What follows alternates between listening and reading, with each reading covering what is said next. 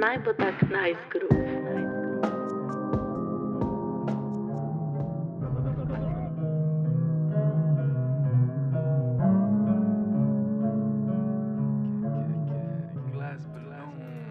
Danes je z nami Nate Škobrne. To, da je moj sojemenjak, ni edini razlog, zakaj je danes z nami. Da povem nekaj o njegovem ozadju. Nate je v svojih 20-ih bil član podjetij, kot so TransferWise, Uber, Coinbase in trenutno MoonPay. Prav tako pa ima njegova karijera tudi nekatere sledi v gaming svetu, spravi igračarstvu. Bil je Head of Product and Growth pri e-sports organizaciji Fnatic. Pred parimi tedni pa je postal solasnik firme Fnatic. Tako da velik, velik del pogovora lahko pričakujete, da bo v, o gamingu oziroma o igračarstvu. Zdaj razumem, da, da veliko ljudi, ki bo tole poslušali, načeloma morda niste največji fani uh, gaminga in tega sveta. Tako da bom v, v šovnovce, bo točno jasno točka, kjer se pogovor zamenja in gre bolj v, v glas balons vode, uh, ki smo jih vsi vajeni. Tako da lepo uživajte. Tukaj imam svojo instant kavo, nisem imel časa narediti normalne kave, a, tragedija, ampak je kar je. Spravnic, prvo, koliko, da si prišel na podcast. A, načeloma imamo na Glass Balloonsu mlajše ljudi, kot sem večkrat pričakiral tvoj LinkedIn, bi jaz rekel, da si ti mogoče 32 let star, kaj takega? Uh, 33, zelo blizu. 33, sem bil blizu. 33, zelo blizu. Okay. Uh, ampak si pa zelo idealna oseba za nekaj tazga, kar želim uh, nekako sporočiti prek svojega podcasta. Se mi zdi, se pravi, da ti dam večkam backgrounda. Uh, začeli smo podcast 2020, uh, čist na štartu korone, ko sem bil na svojem Erasmusu v Berlinu. Uh, so s prijateljico, ki je bila v Ljubljani, začela tale podcast in ideja je bila, sam, da bo vas poznavala druge slovence, ko, ko so na nek način uh, dosegali nekaj v lifeu, pa mogoče ne na nek tak ultra klasičen način. Se pravi, uh, okay. to, je, to je bilo na štartu. In sva imela različne artiste, različne um, ljudi, ki so nekaj dosegali uh, brez nekega klasičnega 9-5. Pa to so bili ponovadi folk mlajši od naj ali pa najne starosti, se pravi od 18 do 24. Recimo. Kaj, kaj bi sploh definiral, glede na to, da smo iz, iz drugačnih generacij? Kaj bi Aha. definiral ti ne vem, neko, neko ultraklasično karjerno pot?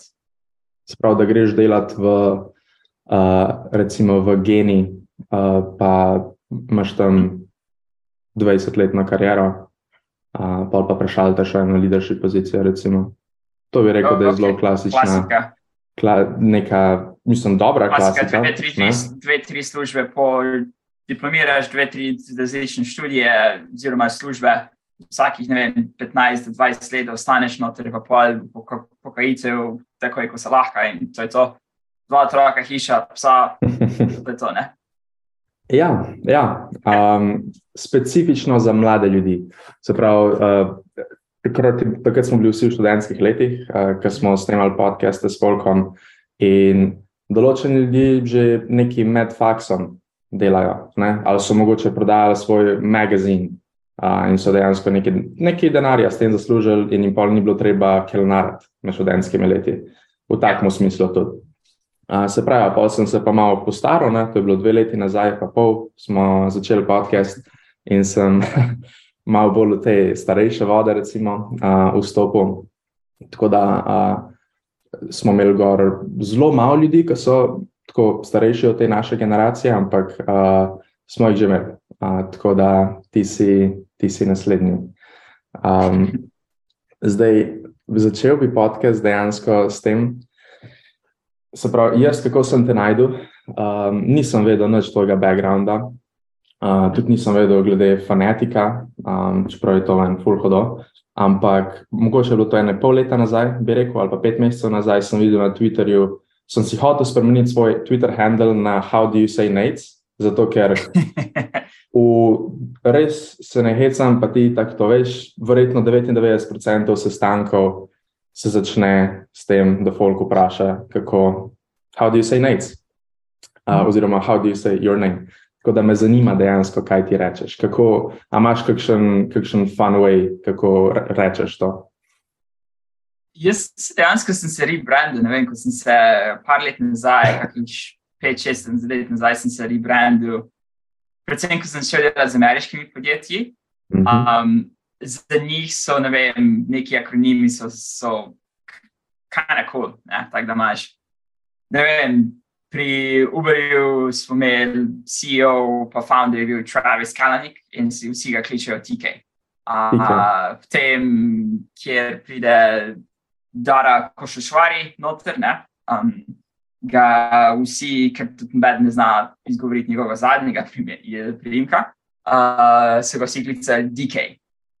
Tako da tudi kana nek neka umaža proti uh, TK-ju, ampak jaz sem se v tistem momentu, sem pa jaz vedno imel vem, e-mail na naslov, ker sem vedno se pridružil tem podjetjem, ker dokaj zgodaj. Jaz sem vedno imel mm -hmm. e-mail, nates at uber.com, nates at coinbase.com in podobne stvari. Um, in sem se vedno je bilo pač za native speaker angliščine. NEJC je tak čuden akronim, se zdi tako, da je dobesedno ne vem, pritisneš štiri tipke na, na tipkovnici. Nima, nima nekega smisla, ne? ker um, za njih, kako mi izgovorimo dejansko J, je Y, kako izgovorimo C, je Z. Um, tako dejansko fonetično najbolj pravilno je dejansko Nate, z, ki se konča z S-om, tako Nate. Kratko za Nathaniel, ne? N-A-T-E pa da daš vse na koncu. Tako je najlažje razložiti, kak imaš ime. Ampak to že ima ful nekih. Ne vem, ljudje pač imajo prve vtise ne? in si ti že v nekem, uh, v nekem bucketu, nikjer. Ne? Tako, zdaj si v tistem bucketu od vzhodne Evrope, ali si pa v bucketu tudi, ne vem, ne vem kakšne so tvoje izkušnje, ampak pri meni je bilo 50-50, ali si nizozemec, ali si pa iz vzhodne Evrope. Dejansko je ful, ogromno, vem, to je mogoče zato, ker je v Britaniji ima lek drugačen, ker ni zemska, ne vem, dejansko skoraj zraven čez kanal. Um, ampak je kar tak, oni spet poznajo, ne vem, ker imaš imena kot, ne vem, Tajs, ki se ne piše T, H, I, J, S, naprimer, ne. Um, in kaj smatrajo, ok, mogoče pa ni zemsk, glede tega, ne. Ampak jaz sem se dejansko, se par let nazaj, sem se rebrandil, da sem se poenostavil vse skupaj na NJ, tako da NJ. Uh, zato tudi imam, um, ne vem, e-mail danes, še vedno za Gmail, ne vem, how do you say nates at gmail.com. Tega ne boš dobil, ker to sem že jaz, mislim, da rezerviral že kakšnih deset let nazaj.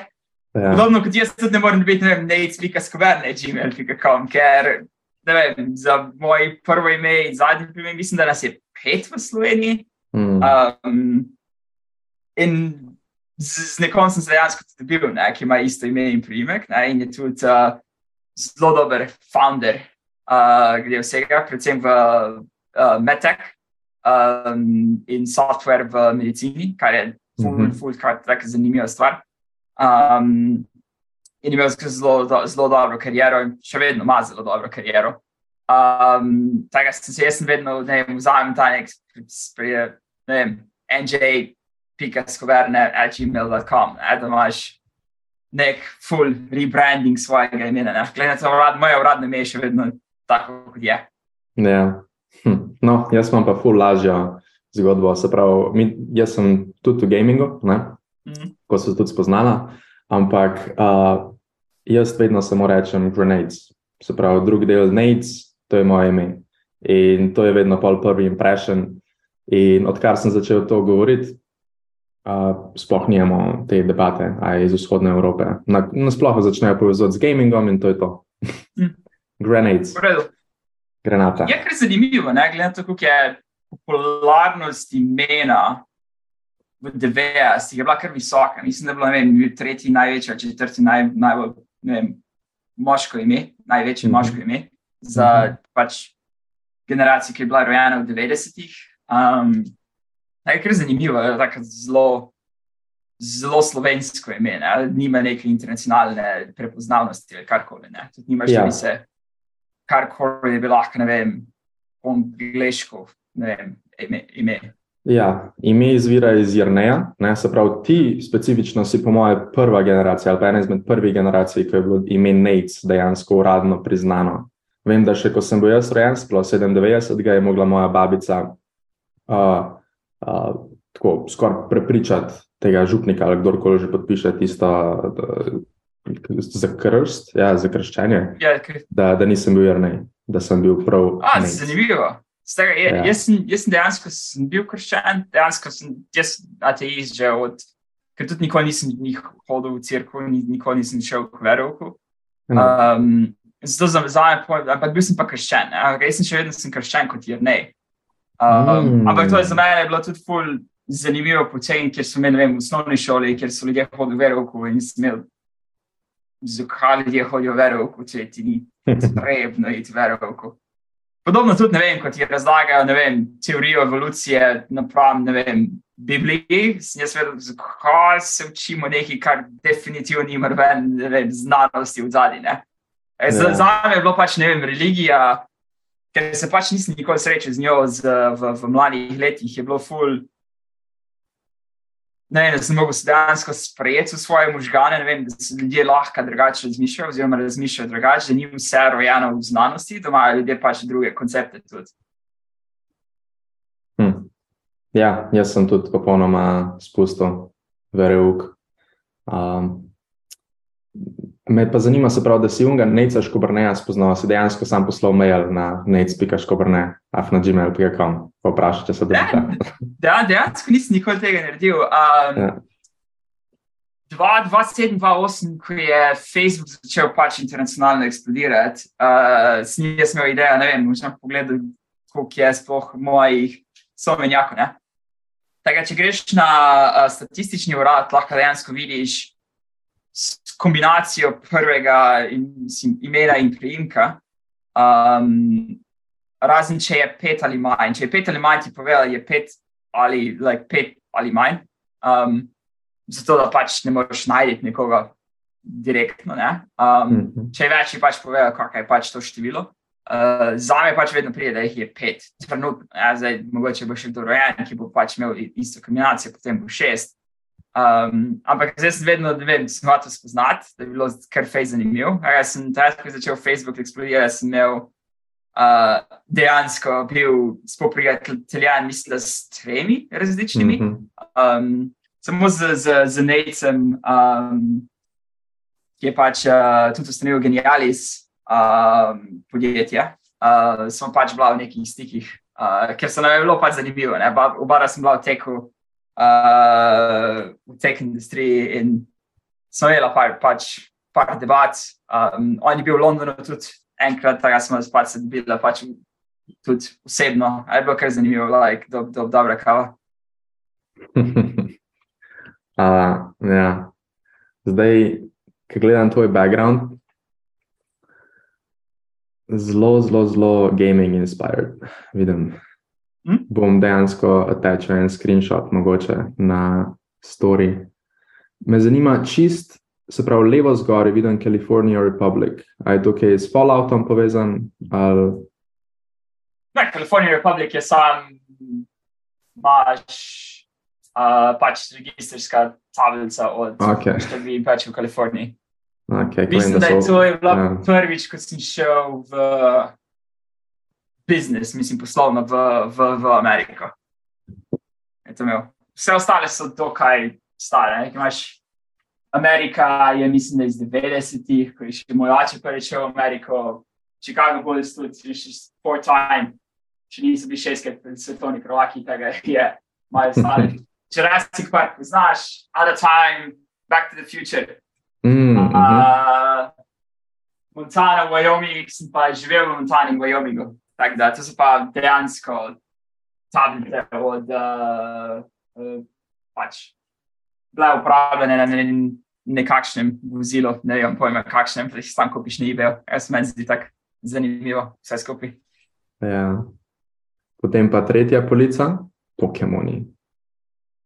Blastoise, Cubone, pa Dragonite.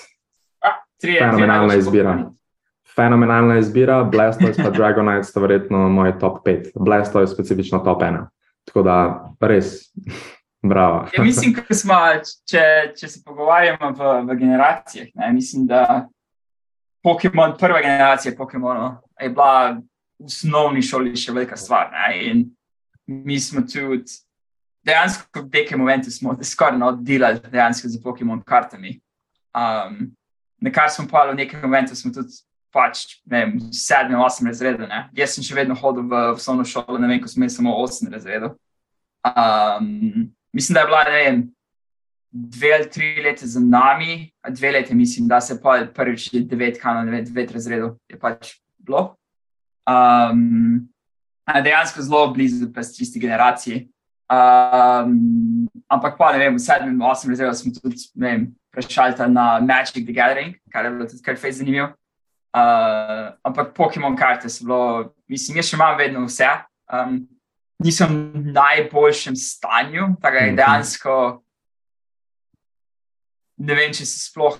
Ene par bi jih mogoče bilo, imajo neko vrednost, ne, ampak um, v kakšnem stanju pač, ko- ker so, dejansko ne vem, če so kaj sploh vredne. Ne. To je problem, ne, ker imaš, ne vem, lahko ti obdržiš nek, neko stvar za 20 let, ampak stvar je papir, ne. Papir, če se prepogiba, se lušči in potem takem tudi ni, nima neke ogromne vrednosti, ne? čez kakih 20 let, če ni pač v nekem vrhunskem stanju. Mhm, tako. Isto za me je bil, so bili Pokémoni, so me v bistvu popeljali v svet gaminga. Uh, verjetno sem bil star 8 let, ko sem dobil pod uh, božično smreko Game Boy Advance črn z nemškim, z nemško Pokémon igrico, seveda. to je bila klasika v Millerju. Auf, okay, moj tole bil je pa še en prej. Da, ja. Mm, to je pa še en Um, pred mano. Game Boy Advance, a ti si imel tega potem? Ne, tole pa že DS. Se pravi, en, DS, ja. ena, ena generacija med tema dvema, ki si jo ti zdaj le pokazal. Tole so bili advanci. Uh, Meno Moj prvi je bil uh, še vedno, ne vem, taka pač prava opeka za vsega Mhm. skupaj, črno-bel. ja, Um, ja. Hm. tako da, zanimivo, meni se mi Game Boy se ja. mi vedno, vedno ne, neka uvertura v, v gaming. Tako je. Ja. Um, mi je pa zanimivo, da se ti tudi, v bistvu, da ste vi tudi Pokémon karte delali. Uh, čist ista zgodba, kot pri nas, samo da smo mi na mest Magika, potem šli v Yu-Gi-Oh! Um, Pokémon kart pa dejansko nismo nikoli igrali, samo zbirali smo jih, kar je bilo zanimivo. po večini, po večini, tudi ne vem, z, z mojo družbo prijateljev, ki so vem, podobno delali, uh, ali, ali v srednji šoli, ali v osnovni šoli, kjerkoli pač po Evropi, je bilo ista situacija. Dejansko so vsi izbirali, vsi so nekaj zamenjavali, ampak dejansko noben ni znal, kako se dejansko igra. igra vem. je ful taka čudna stvar, kjer je celotna pač generacija, mislim, skoraj po celotnem zahodnem svetu, imela nek, neke karte, ki so pač imajo neko vrednost ali sentimentalno dejansko vrednost. Um, in dejansko nikoli nismo znali jih uporabljati. Ja, neverjetno. Uh, je tudi v bistvu Pokémon karte so bile prvi trade, ki sem jaz kadarkoli naredil. Um, kot otrok sem bil alergičen na ogromno zadev, um, tudi nekaj, kar se tiče sladkarij. In zaradi nekega razloga sem v prvem razredu osnovne šole, mogoče drugi razred, sem zamenil enemu sošolcu tako pet res fenomenalnih Pokémon kart za vrečo bombonov. In ideja je bila, da mi bo on naslednji teden dal vrečo bombonov, in to se ni nikoli zgodilo. To je bil moj prvi trade, tako da sem zgubil pet kart um, za nekaj, kar sem bil dejansko alergičen. uh, zelo Ja, slabo, zgodi. ampak lej, vse zgodi. Vse zgodi, sem se naučil marsikaj takrat. Uh, ampak je bila tole Pokémon, sem imel fenomenalna uvertura uh, v gaming. Se pravi, kaj ti si tudi začel svoj gaming life s Pokémoni? Ne, ga gaming, moj gaming life je bil uf, že dokaj, dokaj prej. Um, mislim, da prvo konzolo, ki sem bil. Um, dejansko nikoli nisem si lastil konzole, nikoli nisem imel PlayStation, nikoli nisem imel Xboxa. Um, vedno jaz sem velik fan Nintendo. Uh, imel, po večini sem imel dokaj veliko število Gameboyov. Um, mislim, da mi samo parih manjka, ne, da dejansko jih nisem imel. In tudi imam, ne vem, trenutno imam Switch. Um, prvo konzolo, ki sem dejansko imel, mislim, da je bila dejansko delana še strani Iskre v wow. 80-ih. In mislim, Iskre. da je bil nek. Ja, mislim, da je bil nek koncept, ne vem, kak je ne vem, model, ne vem, kdo je še nad moja, like, starejši od moje generacije. Pa verjetno ne vedo, uh, katera stvar je bila, kak je bilo sploh ime. Ampak mislim, da je bil nek kopija uh, Atari, uh, mislim, prve konzole Atarija, uh, ker si dejansko imel. Niti joysticka nisi imel, dejansko si imel sam joystick, je imel samo ne vem, neko kolo, gor, ne, in sem se lahko zavijal v desno ali v levo. A si imel Hong, je naprimer bil ogromna stvar takrat, ne, prva tista neka generacija. Um, in si potem lahko igral, ne vem, proti Mira z bratom, sem ponovadi igrala uh, to kar, kar velik. Ne, neka prva, še na CRT televiziji tudi, ne. Um, vsega skupaj, vse je bilo, ne vem, zelo plastičen, zelo tak, nedodelan vse skupaj, kar se pač, kar se je začelo razvijati. Ti si bil moj prvi, ne vem, nek gaming sistem, um, da sem ga imel. Uh, mislim, da ga ne vem, če ga še sploh imam, mogoče kje na posreši, kjerkoli. Bilo zanimivo, ne vem, če, če grem kar grem domov staršem, da pogledam, uh, če se sploh obstaja. Mm. Um, nekaj potem, um, moj drugi, ne vem, neka gaming izkušnja je dejansko bila, um, ko smo začeli v sredi 90-ih, potem začnejo ne, vsebni računalniki postajati stvar. Um, mi smo imeli prvi osebni pač računalnik, mislim, da sem ga kupil ne vem kdaj. 94, 95, nekaj okrog tiste letnice. Um, in se spomnim, še vedno ne vem, Uh, bil je Windows 95, tako da mogoče takrat okoli tistem momentu. Imel je inštalirane Windows 95, torej moj prvi Windows je bil dejansko 95. Uh, in prva igra, ki sem jo igral, je dejansko bila Lion King, Levi kralj. Um, mislim, da je bila še vedno v, v DOS-u uh, za igrati. Um, Tako, ja. bili so dve igre, bil je Lion King, ki še vedno prišel na disketi, in uh, Aladdin.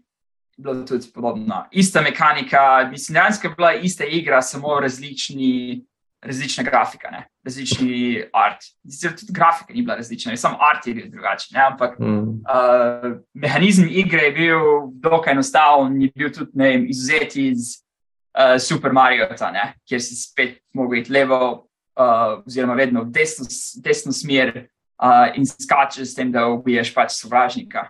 Um, zelo enostavna stvar, ampak tisti je bila pol, ne vem, neka pač prva, prvotna, ne vem, da bi ne vem, greš v gaming.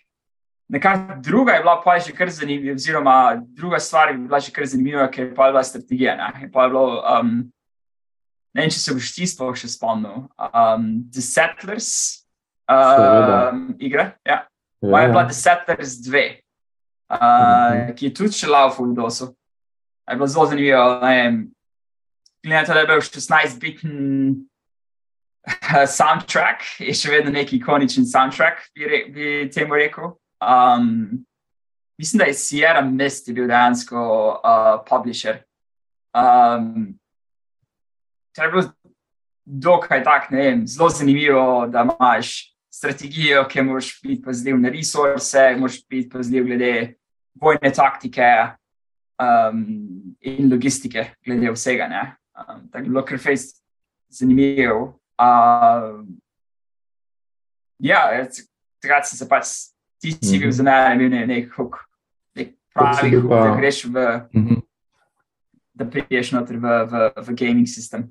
Ja. Koliko si pa dejansko igral, igrc, ko si bil otrok, pa potem pač najstnik, časovno, koliko si dejansko igral? Ogromno. No? Jaz prvotno sem treniral košarko. Um, in pa nekaj metra sem se pač jaz odločil, ne vem, v osnovni šoli že, da ne bom več treniral košarke. Uh, Moj oče je tudi v upravnem odboru od uh, Laškega košarkarskega kluba. Mi, jaz in brat smo pač ne, vem, neka nostalgija ali neka dolžnost, ali karkoli pač čutiš, da pač delaš nekaj v te- tistem momentu. Um, jaz sem oba v nekem momentu nehala trenirati.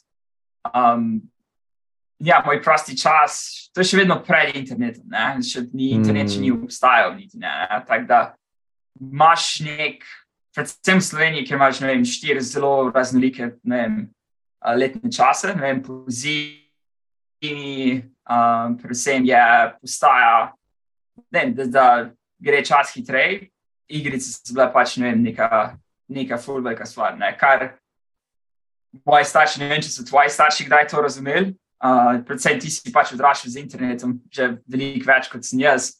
Um, moji starši definitivno niso razumeli. Ne vem, da imaš lahko razviješ ne vem, neke tendence ali neki, nek, v nekem razmišljanju ali v, v, v strategiji ali čemkoli. Ker jaz sem pač tudi igral um, šah, šah je bil za me kar taka velika stvar. Uh, in dejansko imaš, ne vem, naučiš se kar veliko strategij vem, in strateških games, strateških iger, se tudi naučiš uh, kar veliko glede strategije v, v šahu. Hm.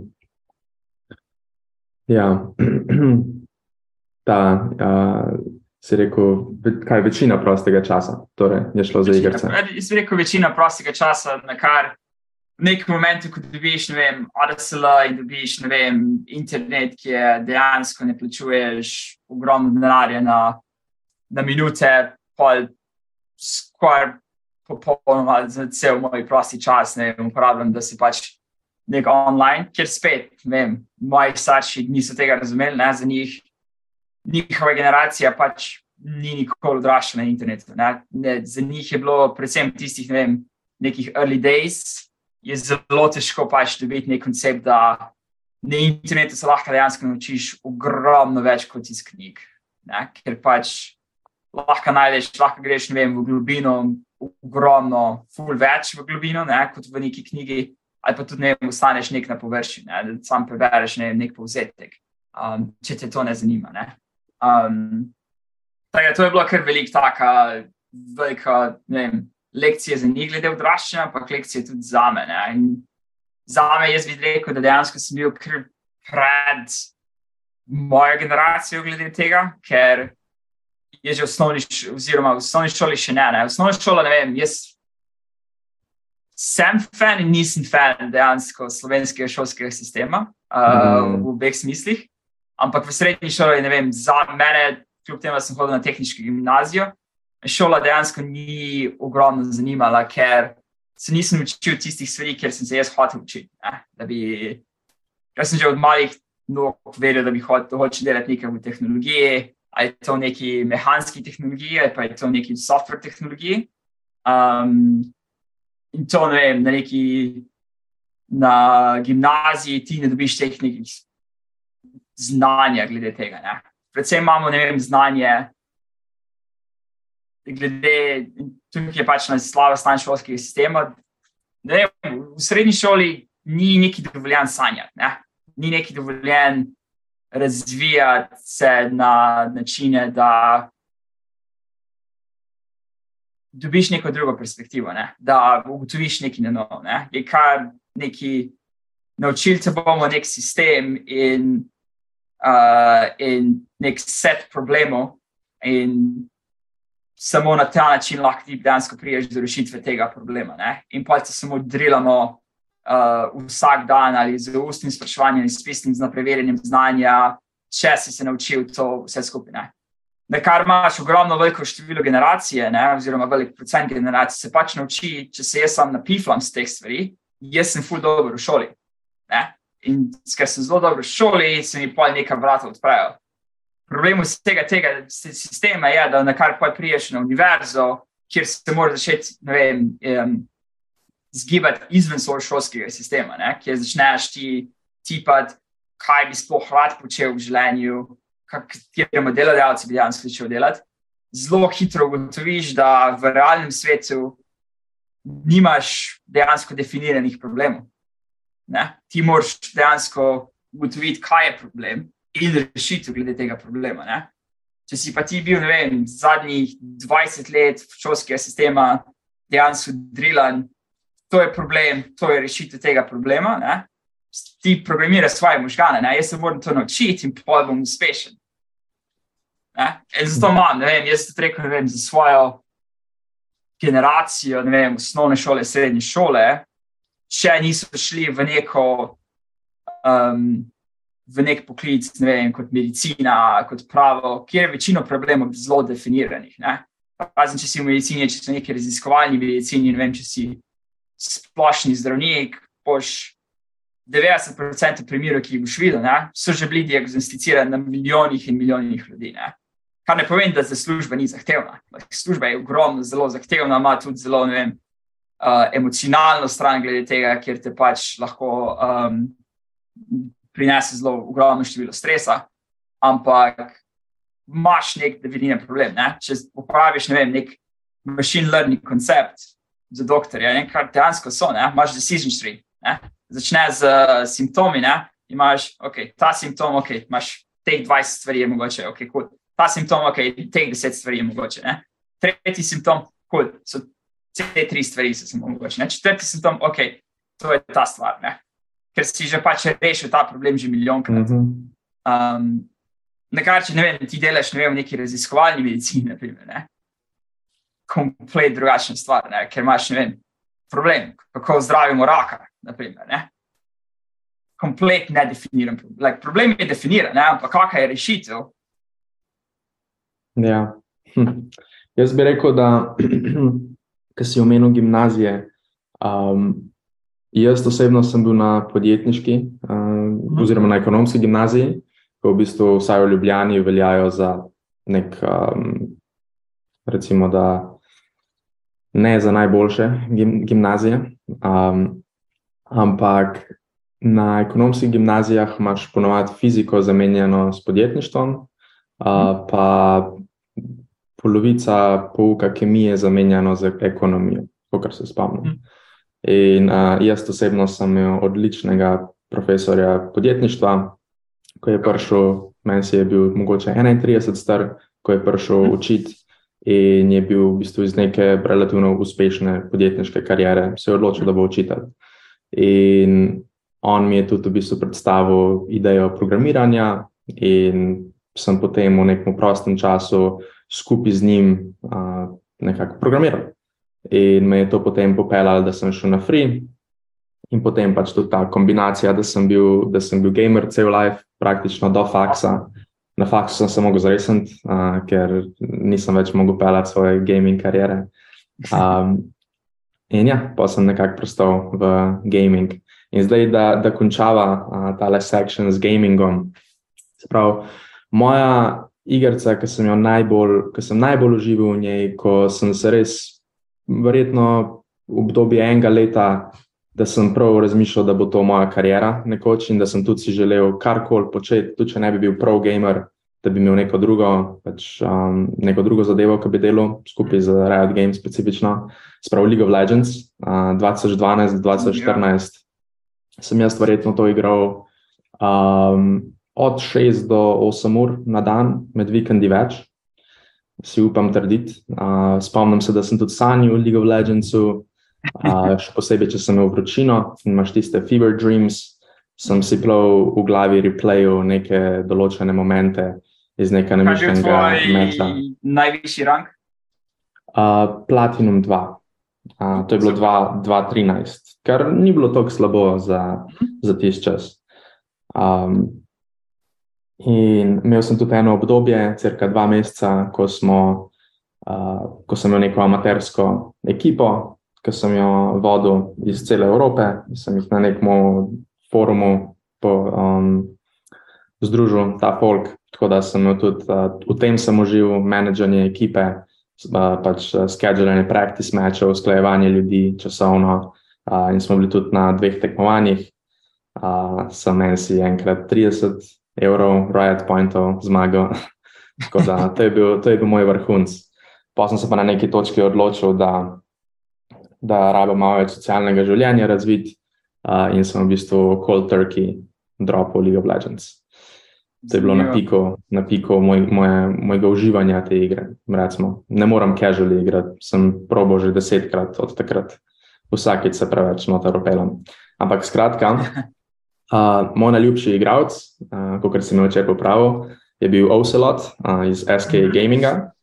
Um, Imel je neko tako specialno karizmo, zelo drugače kot ostali igralci takrat, nosil je šale, uh, zelo, zelo, zelo drugačen tip. In tudi cel, cel njegov playstyle mi je bil zelo všeč. Um, in so bili to tudi moji main championi, sprav Nidali, Twisted Fate. Um, in Tudi, se pravi, to je bilo po mojem 2013, uh, je bilo tekmovanje med Fanaticom in SK Gamingom, uh, ko je bil verjetno še zdaj en izmed najbolj historik uh, momentov, ko sta se X-Peke in uh, Ocelot fajtala ena na ena. In ja, ti si zdaj solasnik Fanatica. Uh, tako da zelo, zelo, zelo hodo. Uh, tako da me sam zanima, kako. A si ti na neki točki sklepam, da si igral League of Legends in si bil fan? Dejansko ne. Uh, wow. sem, League of Legends dejansko prvi začel igrati, poznal sem oba. Um, nisem pa nikoli igral, niti Dota, niti League of Legends. Um, tako sem dejansko padel kar face noter, um, potem ko sem začel delati za, za Fnatic. Um, mm -hmm kjer ne mobe imajo tako ful.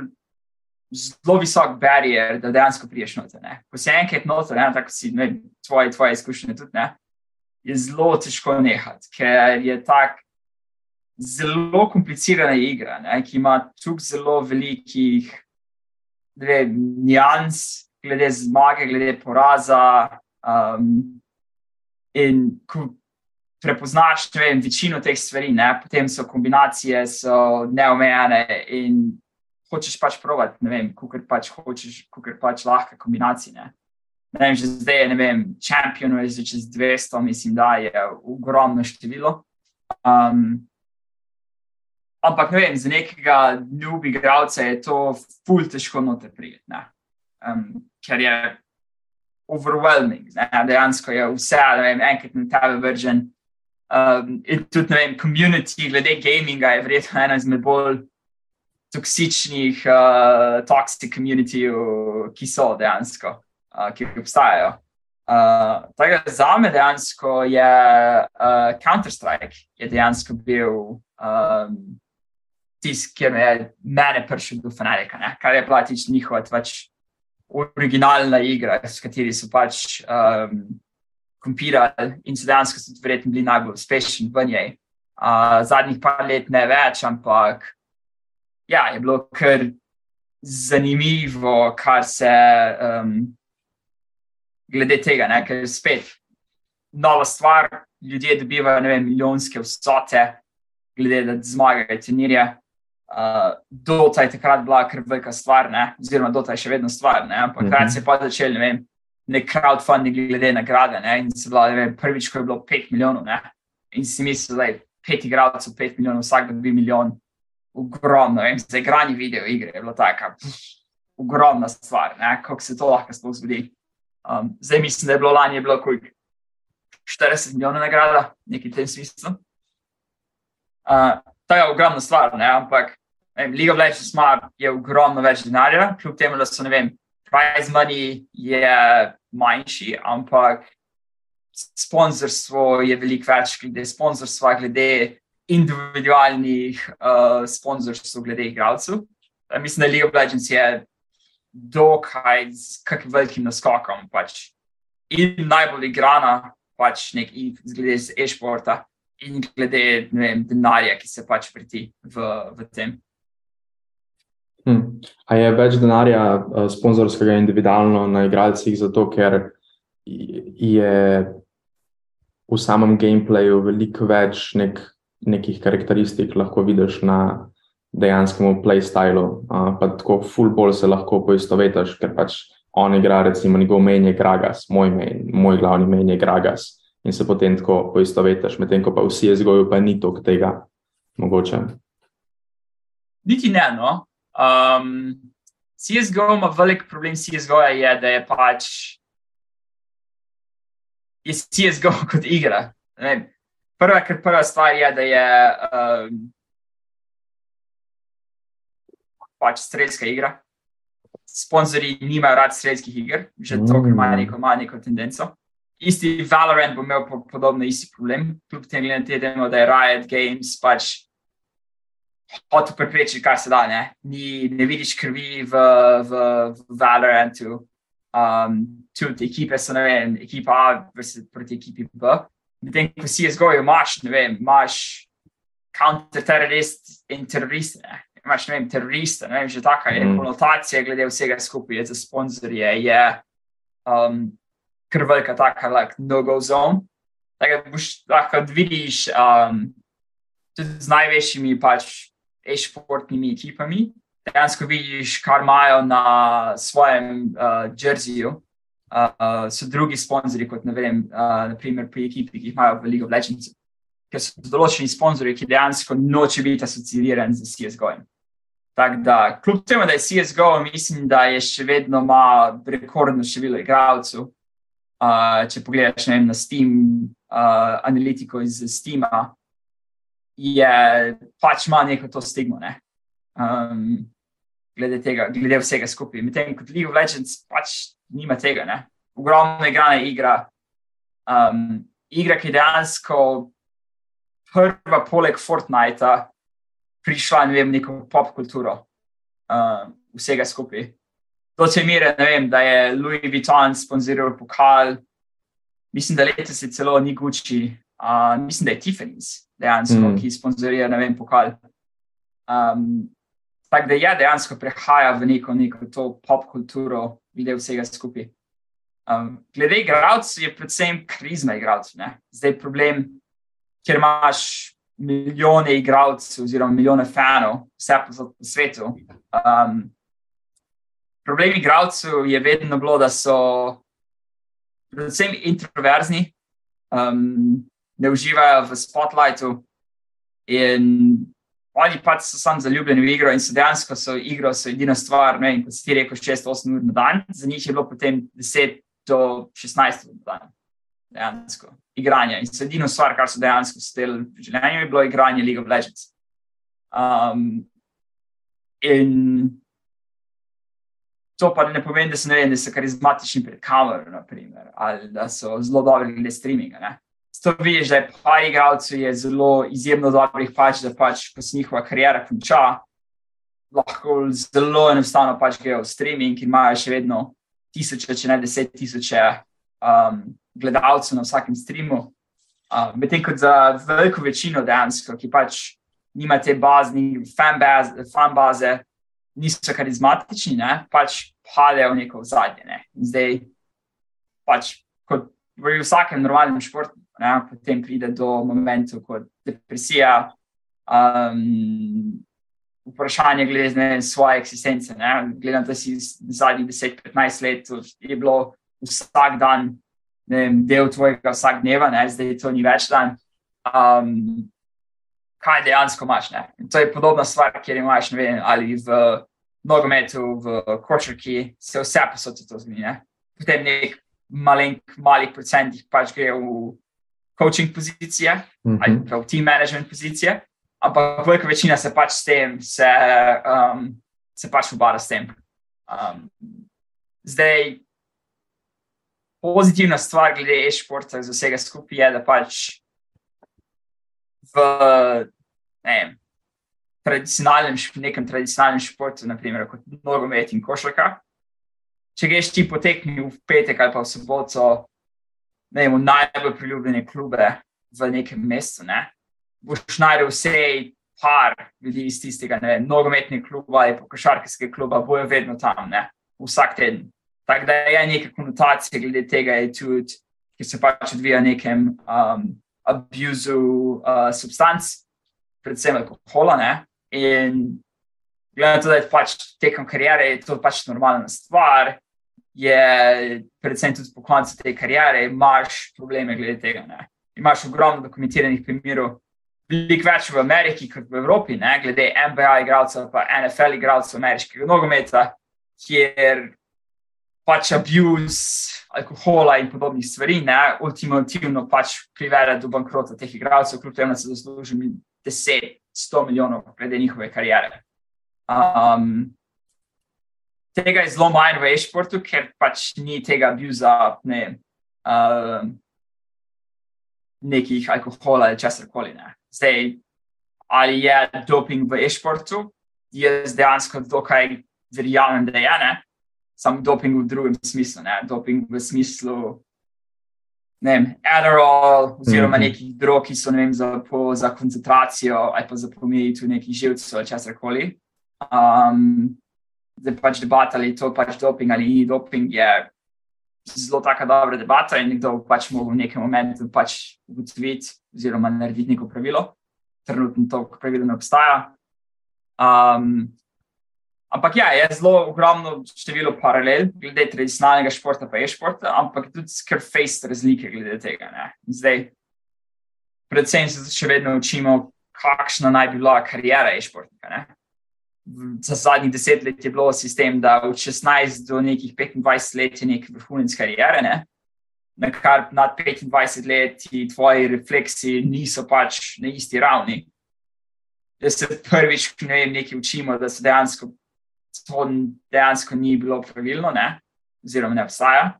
Um, predvsem zato, da CSGO že obstaja že 15 let. Imáš prve igralce, ki so dejansko čez 30 let, ki so stari, ne vem, so rojeni v moji generaciji, ki so še vedno aktivno igrajo in so še vedno v Švici igralcev. Tako da. Vem, jaz osebno verjamem, da ni da lahko komot igralci igra do e-šport, igralci igra do 35, če ne do 40 leta podobno kot v nekem tradicionalnem športu. Wow, ok, Paul, there is still hope. Jaz sem glih 25, tako da ja. ne je bilo strah. Ok, odlično. ja, dejansko je bilo čisto hudo probati neki, uh, kot nek bucket list item uh, v neki amaterski ligi, igrati pol leta. Sam da prideš do te točke, da si tako dober v igrici, res, uh, ja, spet rabiš ogromno časa noter odžiti mm. in tega časa preprosto ni več, ko si enkrat upleten v neko drugo kariero. Ogromno je to žalostno. Na vrhunski ravni je ogromno nekaj priprave, ne? analize nasprotnika, um, da so vem, igralci uprave, uh, mentalno pripravljanje vsega skupaj, ker je dokaj razlika, da ti začneš igrati pred množico, ne vem, par tisoč ljudi, kot ne vem, da ti igraš doma na računalniku.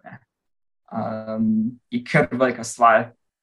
Predvsem se ne vem, se še vedno mislim, da učimo, kako socialni mediji tudi vplivajo na igralce, ker imajo neko vpliv. Um, in je kar velika taka, ne vem, stvar, kak, ne vem, kot trener ti pač kontroliraš socialne medije, ki jih ne moreš kontrolirati v nekem momentu, um, kak igralec razmišlja, ampak to ima neko, ne, nek moment, ima neko potezo na psiho, glede vsega skupaj, ampak mislim, da se moramo še ogromno še vidno stvari naučiti glede tega. Hmm. Ja, se mi je, da bi lahko komod še 40 minut govorila v različnih zadevah glede gaminga. Sam vem, da imamo samo še eno uro, tako da um, bo šla kar v naslednjo sekcijo. Sprav, zdaj smo eno uro, basically, govorila o gamingu, uh, kar mi je zelo kul. Cool. Tako tudi večina mojih ena na ena sestankov se mi zdi, da gre o tem gaming svetu. Ker je ful, tako kul cool je govoriti o nekemu shared passionu. Sem jaz ne vem, če je kakšna druga industrija, ko, folk, govori, vidiš, da je passion glede gaminga. Čist drugače, kot če delaš v nekem SAS svetu, po moje. Um, in ne moreš preprosto ne moreš imeti nekih takih pogovorov, uh, oziroma zelo hitro rata dolgočasno. Ogromno, ogromno ses, pač softvera je dejansko Excel tabelo v zadju, pa nek frontend pač na, na vrhu. Tako da ne vem, če ja. si lahko glede passion glede tega. No? Ja, bi rekel, da je kakšen folk mogoče, ampak na srečo jaz nisem eden izmed njih če ima Salesforce lahko Dreamforce vsako leto v, v San Francisco, pa prije jih par deset tisoč ljudi pogledati, ja. mislim, da je kar dokaj dober biznis. Mm, tako. Um, sva pa že parkrat tekom te ene ure uh, malo tako hintala na eno temo, ki je neka osrednja tema uh, Glass Balloons podcasta. Se pravi, rekel si, da že ko si bil mehen, uh, oziroma najstnik, da si vedel, da bo tvoja karjera utekla. Uh, in kako, kaj se kaj spomniš, tako, ko si bil otrok, da si hotel početi, um, pa kako si potem vstopil v to neko, ne vem, si že med faksom, kakšne internship imel, ali si že pred faksom, kaj neki glede posla ali karkoli izvajal. Um, da se malo tako sprehoditi lepo čez celotno celoten tvoj track record? Uh, jaz mislim, da je že dokaj. Sem bil fasciniran vem, z, z, z, z parimi podjetji, kar so pač, ljudje, kaj bi jaz rekel, mehanične tehnologije, ne? ker je uh, ne vem, hardware, uh, mi je bilo vedno zanimivo. Um, vedno je bilo zanimivo, ne vem, svoj osebni PC, naprimer. Um, odpreti, pogledati, noter, kaj se dejansko dela, kako zamenjati svoj ram, kako dograditi ram, um, kako stvari dejansko funkcionirajo, tudi se naučiti, vem, um, lotanja na matični plošči in podobni stvari. To mi je bilo vedno mi je bilo tako, ne neka zanimiva stvar, da se pač naučiš. Um, radio razstaviti, na primer, je bilo tako velika stvar uh, v, v otroštvu. Sem vedno imel neko, sem imel fascinantnost glede tehnologije. Druga stvar, kar se jaz vedno spomnim za, v teh pogovorih, je, da ne vem, če si imel ti uh, podobno izkušnjo, ampak ena meni izmed boljših pač serij knjig v, uh, v otroštvu je dejansko bila. Dejansko sploh ne vem, kdo je, kdo je avtor, mislim, če je bilo več avtorjev in kakšen je bil naslov, ampak bili so ti prezi, ne vem, nekih ladij ali pa. Um, Kaj si odprl knjigo? Ja, ja, ja imaš prez, dejansko noter. Ja, in imaš vem, različne stvari, da so pač, kjer ti povejo, kako stvari delajo. Vem, če ti ne vem, neko ogromno križarko prerežeš na pol, ne, da imaš vem, stroje v spodnji noter, kje so pač kazino, kje so pač sobe in vse skupaj. In to je bilo meni, vedno bilo zanimivo, ne, ker pač ugotoviš, kako dejansko stvari glede tega, ugotoviš, kako stvari delajo. Imáš res, ne vem, uh, motorja v osebnega avtomobila ne? in začneš pač, ne vem, koliko pistoni delajo, koliko, uh, koliko dejansko, da smo prišli do te mere, da kot, vem, kot človeštvo dejansko vzamemo malo mini eksplozije v avtomobilih, vsakeč, ko se usedemo v avto da dejansko se sploh poganja vse skupaj. Ne? Je tako ful, tako čudna stvar, ki smo si jo pač, ne vem, smo začeli, ok, kul. Cool. To se pač mora zgoditi, da se pač malo pogon avtomobila. Ne? In pa, pa pogledaš, ne vem, mini eksplozije v avtomobilu, ki so, ne vem, en meter stran od mene dejansko. Ne? In imaš tako ful, tako čudna stvar. Uh, vse v moji glavi je tako bilo ful zanimivo. Um, in ja, zgled tega sem bil pač ful, ful, ful fasciniran. Um, mislim, da je velika števila pač, ne vem, ali moje generacije ali drugi stvari, ki so pač imeli podobne stvari. Ne? Da so pač najdete se v nekih pač fascinantnih uh, stvari. In medtem, ko sem mislil, da bi prvi priključek interneta, za me je bil pač to pač veliko odkritje, ne? ker pa imaš. Ti dejansko, kateri koli temo si, si kdajkoli hotel vedeti, kaj je v, v, njej, si lahko to dobil. Ne? In to je bilo še vedno vem, zelo v Web 1.0 sistemu, ne? kjer si dejansko bral neke bloge, oziroma niti ne bloge, ampak samo nekaj, kaj je nekdo napisal na spletni strani. Ne? In si pač vzel to kot ne vem, za res, ne? niti ni bilo nobenega proofreadinga, niti nobenih. Fake news dejansko ni obstajal dejansko na internetu, oziroma je, ampak ne v takšni meri, ne vem, kot naprimer danes, kjer dejansko ljudje hočejo manipulirati. V tistem momentu mi dvom, da je kdo sploh imel interes manipuliranja ali česar koli. Um, tako da dejansko moj prvi biznis je bil um, zelo zanimiv, ampak uh, tudi dokaj tak, bolj, bolj.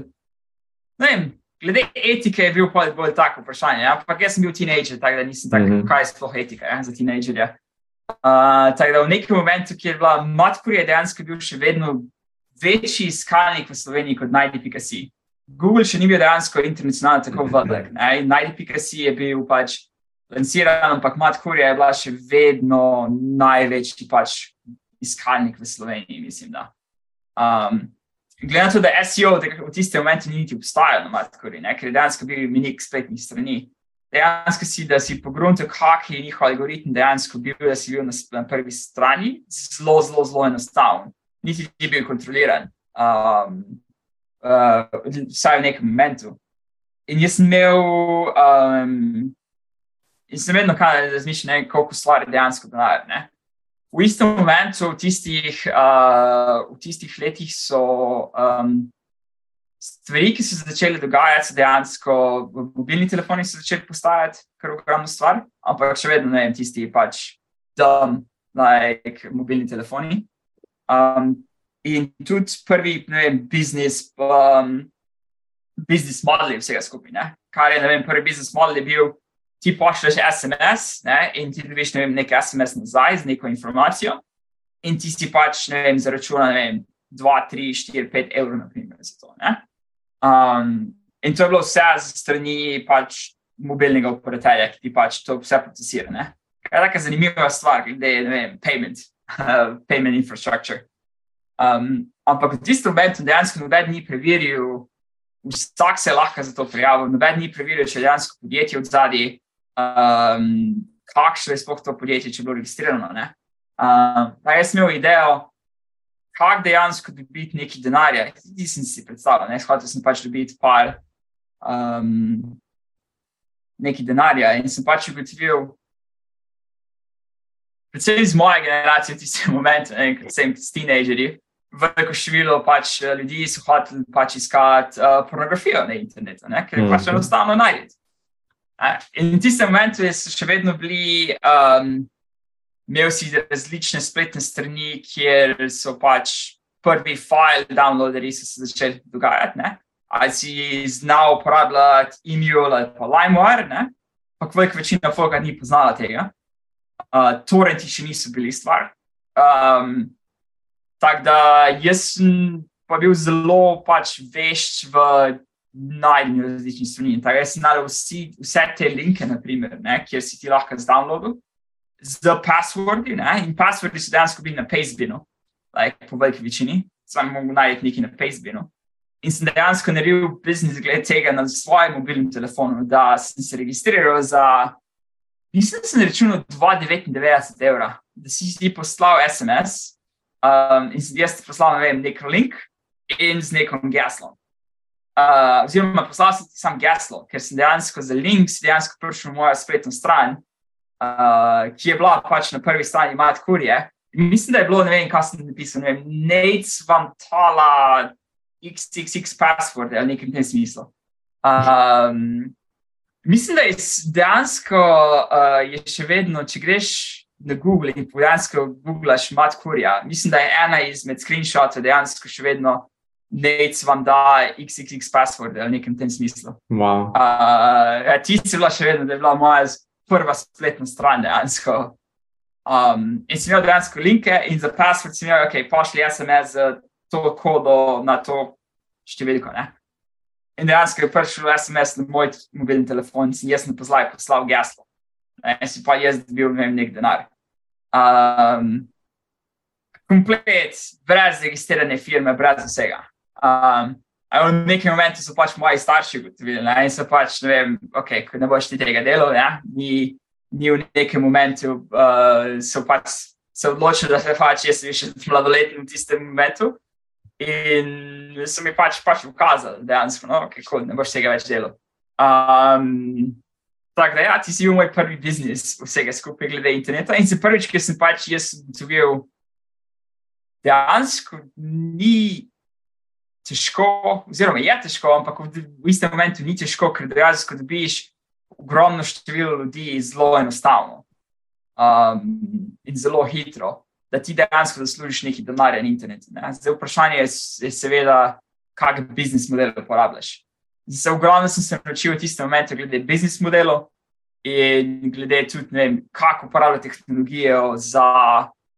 Um, da zaslužiš denar na internetu. Zdaj, dan danes je to vse kompletno drugačno in vse skupaj, ampak ti smo me veliko naučili. Ne? In vedno tekom moje kariere, razen zadnjih pač par let, um, sem vedno ne vem, imel neke afiliate spletne strani postavljene z nekim biznis modelom. Ne? Ali sem jaz kupoval trafik uh, iz Google za neke določene keyworde ali iz socialnih medijev, ali sem imel ne vem, nek SEO play, glede vsega skupaj. Um, ampak vedno sem imel nekaj zraven, ne, da sem pač nekaj, nekaj delal, zdaj zadnjih par let pač sem se pač odločil, da pač nimam niti. Zelo, ni neke potrebe glede tega, ne? vzamete tudi kar nekaj časa, in mm -hmm. raj imam tisti čas, da je prosti čas. Naprimer, um, je pač čas, ki ga zapravi za neki, pač ti, ti vzame nekje druge. Zadnjih par let sem nehal glede tega, ampak vedno sem vem, imel to neko. Ne bi s tem rekel podjetniško, ker dejansko nikoli nisem imel svojega startupa, ne, sem bil nek, nek funder. Ne. Bil sem registriran na podjetje, glede za to, ne, da imaš pač mhm. neko, uh, neko opcijo, ampak so vedno neki, neki stranski, like side jobi, bi s tem rekel. Hmm. Ampak, sprav, ko si začel govoriti o tem, si omenil, da si imel željo po denarju, hotel si zaslužiti denar. Hmm? Zakaj? zakaj je bila, mislim, kaj, kaj si pa imel v mislih, da bi, da bi si želel imeti, ali pa zakaj je sploh želja po denarju? Mislim, da je ultimativna taka stvar. Vem, glede, mislim, da to, mislim, da je večja tema glede tega, je tudi med vzgajanjem, oziroma ne vem, neka nacionalna. Um, Nacionalna zavest, ne, glede vsega skupaj, kjer imaš Slovenija kot država imamo, ne vem, dokaj neko malo meščansko miselnost, bi jaz temu rekel. Ne? Ker je ta malo meščanska miselnost dejansko zmešana skupaj z postkomunistično miselnostjo vsega skupaj, ne? ker smo vsi enaki. Um, jaz vidim, da se to pač dogaja, ker velik ne, ker če si ti nisi tako uspešen, ker vsi ostali ne je ta mentaliteta super, ne? ker vsi pomagajo temu. Ne? Vsi pomagajo, zato imaš ogromno. Če primerjam druge države z, z Slovenijo, glede, kjer se zgodi, ne vem, ali neka katastrofa, naravna katastrofa ali česar koli, pomoč glede vsega tega je ogromno večja v Sloveniji, kjer ne vem, v tujini. Ne? In to je mm. zelo dobra stvar. Ne? Sistem prostovoljnega gasilstva, ogromna stvar v Sloveniji, ne? zelo plemenita stvar ne? v mojih moj očeh. Um, Dejansko v tujini je tega zelo, zelo, zelo malo. Ker dejansko v nekem momentu ne obstaja, ker je zelo, zelo veliko moj kapitalističen. Problem Slovenije je, da imaš to mentaliteto, pač damo na vzgor. Ne? In vedno imaš, ki imaš nekoga zelo tako uspešnega, ne? kaj treba pač, o, oh, nekaj je narobe. Ne? dejansko me prvi, prvi interes, ne vem, kjerkoli imaš vem, uspešnega slovenca, je vedno mentaliteta, nekaj je narobe, nekaj, nekaj goljufajo, nekaj, ne, ne, nekaj ni prav. Ne? In to imaš, ne vem. Ali iz sistema Krapovič, ali iz sistema Pipi Strela, ne? vedno so mm -hmm. iste zgodbe v medijih, dejansko, ne? kjer imaš ali utajajo davke, ali imajo to, ali yeah. tega. Ne? In za me je to bilo, ne vem, ta, če daš to celotno mentaliteto skupaj ne vem, z nekim tinejdžerjem, ki je dejansko zelo podjeten. Za me je bilo vedno to, kako jaz bil en skok naprej. Ne? Imaš neko, imaš neko validacijo glede vsega skupaj pri sebi, kjer niti ne za denar. Oziroma, tisti cement je pač bilo za denar, ne? kar s tistim prvim pač biznisom, ne vem, če si zaslužil vem, več kot par tisoč evrov. Ampak ti kot teenager si zaslužil nekaj par tisoč evrov. Je tako ogromna taka stvar. Ne? Mm -hmm. ne, če, sem, nekaj, če sem zaslužil vem, 2000 evrov, ne vem, kot 16-letnik, je tako, da jim ful vzdigneti samo zavest, tako face velik, ne? da si lahko, o, oh, jaz znam nekaj narediti. Ne?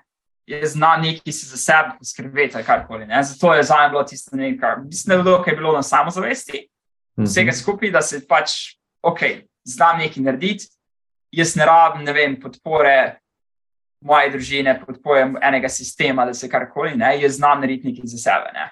Niti ni bilo dejansko za neke monetarne vrednosti, ampak je bilo ne, nek proof of concept ali pa nekaj glede samozavesti za me. Hmm. Okay. Ja, se mi zdi čisto uh, smotrno. Se mi zdi, da je ta moja, uh, moja želja po nekem takem, da bi šel mogoče v neko podjetništvo, je bilo zelo, zelo podobno. Um, Kakšna je bila tvoja motivacija, ne vem, ko si se odločil za Erasmus študij v Tvini? Zakaj si šel?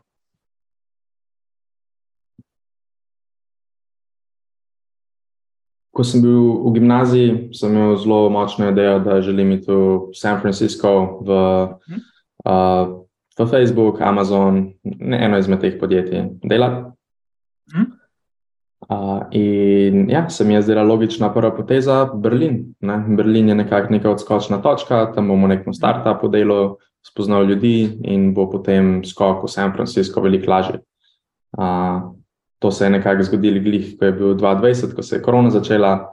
Tako da sem dejansko izgubil to željo po San Franciscu, zdaj pa tudi vidim, da ni nobene potrebe, da, da tam ja. živim, sem jaz čisto v Evropi. Biti. Ampak, uh, ja, to je bila moja želja, je bila iti v Ameriko. Ja, to, to me je tudi konkretno, zakaj sem šel v računalništvo študirati kot faks. Um, se mi je zdaj naj, nek, naj, najbolj sure bet, da se bo to res uresničilo. Máš še vedno želje, da greš v Ameriko v nekem momentu? Mogoče kot uh, neka začasna zadeva, ampak um, ta želja je definitivno veliko manjša, kot je bila včasih. Ja. Okay. Sem imel podobno, jaz sem imel zelo, zelo podobno. Samo v mojem metu, ne vem, niso bili Facebook, pa Google, sem, naprimer, bila ne, velike stvari v tistem momentu. In jaz sem vedno hotel iti, ne vem, delati za njih. Ne. In za me je bil, ne vem, jaz sem imel tako zelo zanimivo, ne vem, neko izkušnjo, ne glede vsega, ker smo se, ne vem, mislim, da je bilo konec osnovne šole, pa začetek srednje, mislim, da je bilo začetek srednje šole, v prvem ali drugem letniku. Kjer smo dejansko, je bila pač v Sloveniji se je zgodila ta evolucija, ki si šel iz MSN Messengerja ne, na Facebook, vse skupaj. Ne. Ta je bila tako, full velik tak, um, prehod vsega skupaj. Meni se je to vedno tako zdelo, ne vem, zakaj pa jaz ne bi mogel delati v, v ta podjetje. Ne. Ker si jih imel vedno, ne vem, v Sloveniji v tistem momentu si imel tak, ne vem, nekaj neosobljivega, nekaj, kar se pač ne moreš, kaj ne vem, dejansko prijeti. Gledano, da nimamo ne vem, nekaj, nekega predstavništva, oziroma karkoli, mm. oziroma zdaj imamo par slovencev v, v Silicon Valley, ampak nimaš ne, veliko stvar. In tukaj imaš, ne vem, ne vem samo pa iza login sta dejansko edina dva, ker imaš neko tehnološko podjetje. Ne, ampak ona dva sta vedno, niso se izpostavljala uh, veliko v medijih in vse skupaj. In tudi velika večina slovencev pač ne vejo, kdo, kdo dejansko sta. Uh, ampak Outfit 7 dejansko je bil podjetje, ki je sam z nekega tehnološkega vidika je bilo pač tako ogromno uspešno podjetje, ne, za katero bi pač ljudje mogli um, stremeti, ne, da imaš neko tako, ne vem, ok, lahko priješ do, do te mere. Uh, Medtem kot nisem pa nikoli imel, ne vem, nekje vem, podjetje bilo vem, v SP 500, naprimer, ali karkoli, ne, da imaš ti neko ogromno podjetje, kjer je Slovenc pač bil uh, ustanovitelj. Napravno, ne vem, polski, ki imaš, ne vem, CD Projekt Red, ne, um, publisher od Cyberpunk, uh -huh. Witcher serije in vse skupaj. Ne? V nekem momentu um, je dejansko CD Projekt Red je bil dejansko najbolj vredno polsko podjetje Mm, uh, na wow, polski borzi. okay. Um, imaš nekaj, da se pač vse skupaj se predstavlja na, na ta način. Ne? Um, in mislim, da ta, ne vem, že celoten diskurs vsega skupaj v Sloveniji nimaš, ni dejansko tehnološko usmerjen, glede na to, kako mi razmišljamo, predvsem v softveru, ali pa v hardveru, na primer, tudi. Ne? Imaš, ne vem, najbolj vredna slovenska podjetja so dejansko fokusirana na slovenski trg. Ne? Pogledaš, dejansko nimamo internacionalne banke. NLB je dejansko edina banka, ki dejansko malenkost ima neko pač pozicijo v drugih bivših republikah Jugoslavije. Ampak dejansko nimamo vem, multinacionalnega podjetja, ki se je dejansko začelo in obstaja v Sloveniji. GoOpti, na primer, bi bilo to v nekem momentu, ne? ampak je tudi podjetje, ki je mora obstajati v realnem svetu. Ne? Ti moraš predstavljati atome, ne, ne predstavljaš samo bitu, moraš tudi atome predstavljati vsega skupaj. Ja, vedno je bo težko, oziroma bo trajalo ogromno časa, da dejansko ti se pač lahko uh, imaš neko ekspanzijo. To mislim, like, mislim, da je tako velika je tako velik void, predvsem za mlade ljudi, da imaš ne vem, neko stremiš k ničemu, ne? imaš stremiš ne vem, k nekemu velikemu tehnološkemu podjetju. Um, mislim, da to je tako velika stvar, ki manjka v Sloveniji. Ker, pogledaš, ne vem, jaz sem zadnjič sem šel z predvsem zanimanja, ne vem, gledati na fakse, kateri faksi imajo največje število, vem, upisanih bodočih študentov. In še vedno je isto kot, ne vem, 15 let nazaj z mojih, z mojih stvari, ne. Pravo, medicina, Mm, še vedno je ista stvar. Ne? Ni, na primer, free, ferry, ne ne, da bi imeli imel ogromno. Ne? Oziroma, tudi to, oba dva faksa, naprimer, ne, imaš, bi, bi mogli imeti, ne vem, deset faksa, kjer se ljudje dejansko lahko naučijo programirati. Ti ne programirati, ampak ne vem, uporabljati stvari, ki se dajo. Ne? Pogledaš, ne vem, spletno stran, že sam, ne vem, za, za, za vlado, naprimer, oziroma ne za vlado, ampak za, za katero koli, ne vem, javno agencijo, njihov, pogledaš njihove spletne strani. Stojansko, ne vem, pogledaš pa si misliš, ne vem, so 2003 so znehali z razvojem in je to to. Ne. mm, Ne vem, da za moje pojme kot slovenskem državljanju, da imam še vedno neko, uh, kako se temu sploh reče, um, signalca ali kar, karkoli je že z neko digitalno potrdilo, da lahko jaz sploh upravljam z svojimi stvarmi, z nekimi drugačnimi stvarmi, je z, ali z davki, ali z osebnimi dokumenti, ali s podobnimi Mhm. stvarmi. Je dobesedno je taka stvar, ki si ne vem, ok, smo končali 2003, to je bil zaključen projekt, to je to. ja, Ne? ja. In imaš kako ne vem, tako stvar, ki se, se fu, smo počasni glede tega. Ne? Hm. In ima, to- dejansko je celotna vem, nacionalna dejansko strategija, ki manjka glede tehnološko, ne vem, tehnološke razvitosti. Ne? Napram, pogledaš, ne vem, država, ki je bila v isto podobni poziciji kot Slovenija ne? v začetku 90-ih, Estonija, polovico manj prebivalcev, ne? samo milijon prebivalcev. Imaš Skype, je estonski, mm. Bolt je estonski, TransferWise oziroma Wise je estonski. So tri podjetja, ki so bilijonsko vredna podjetja, ki so verjetno tri podjetja skupaj, so vredno več kot celotna slovenska ekonomija. Ampak, In vse prišli iz države, ki ima polovico prebivalstva Slovenije. mm, ja.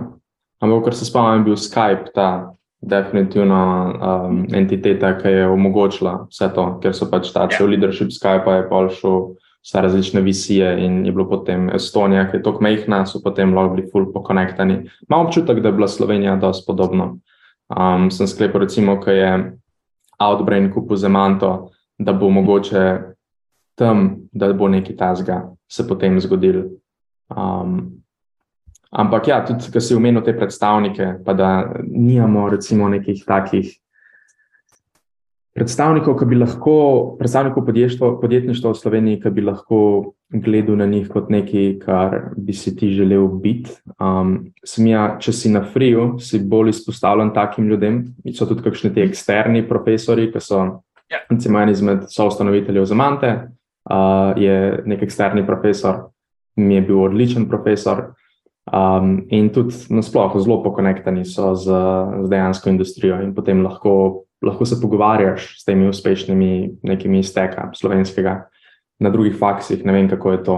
Ampak jaz, ki sem bil otrok, zaradi nekega razloga mi je bilo ful všeč gledati nekaj, ko je bilo na televiziji, me je mama poklicala, da je Ivo Boskarol, recimo, ko sem bil 11-12 let star, mi je bilo ful všeč gledati intervjuje z njim.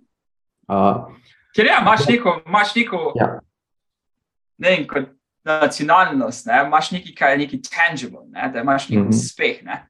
Nekdo, Ja. ki je uspel iz istega okrožja, oziroma okrožja ali pa like, obdobja ali pa z nekega ne vem, okoliša dejansko, ne, da je uspel. Mhm. Ne. In zelo velik tak boljš, ne, kot ne vem. Larry Page, Sergej Brin, ne, s katerimi nimaš nič podobnosti, ne, dejansko, Mhm. ki ste ustanovili Google. Ne. Um, mm, In to manjka. ne vem. Bi rekel, da je Ivo- Boskarjol dejansko najboljši slovenski Ja. podjetnik.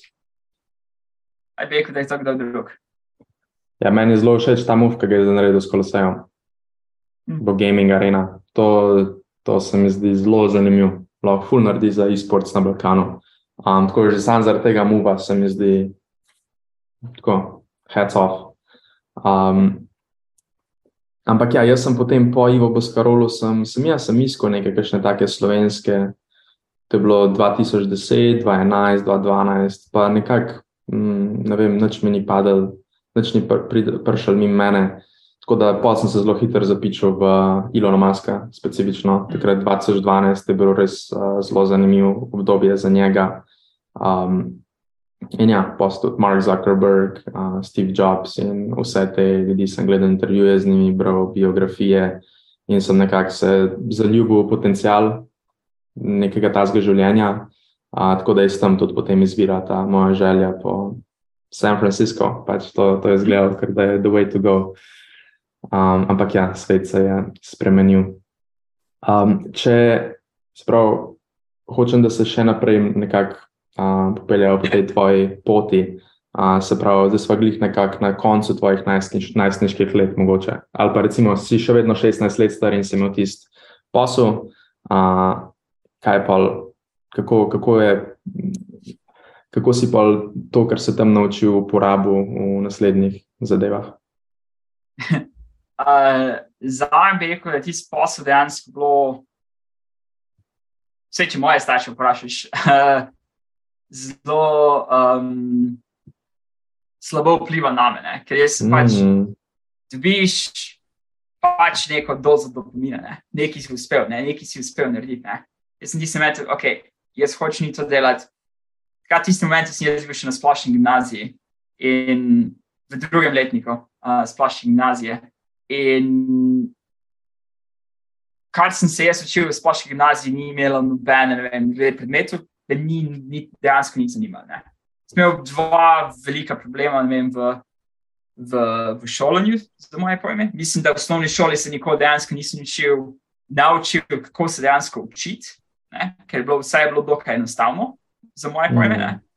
Um, in seveda, ne vem, za, v tistem momentu še nismo imeli, uh, ne vem, ni obstajalo devet rezerv, nisem imel pač, ne vem, za ljudje, za, pač, za otroke, ki so pač malenkost pred ostalimi, ne, da si pač imel nek višji, višji nivo učenja to ni obstajalo ne, v tistem momentu. Smo se vsi smo učili, smo se učili uh, vse enako ne, in testi in vse za me je bilo dejansko ok, logika in to je to.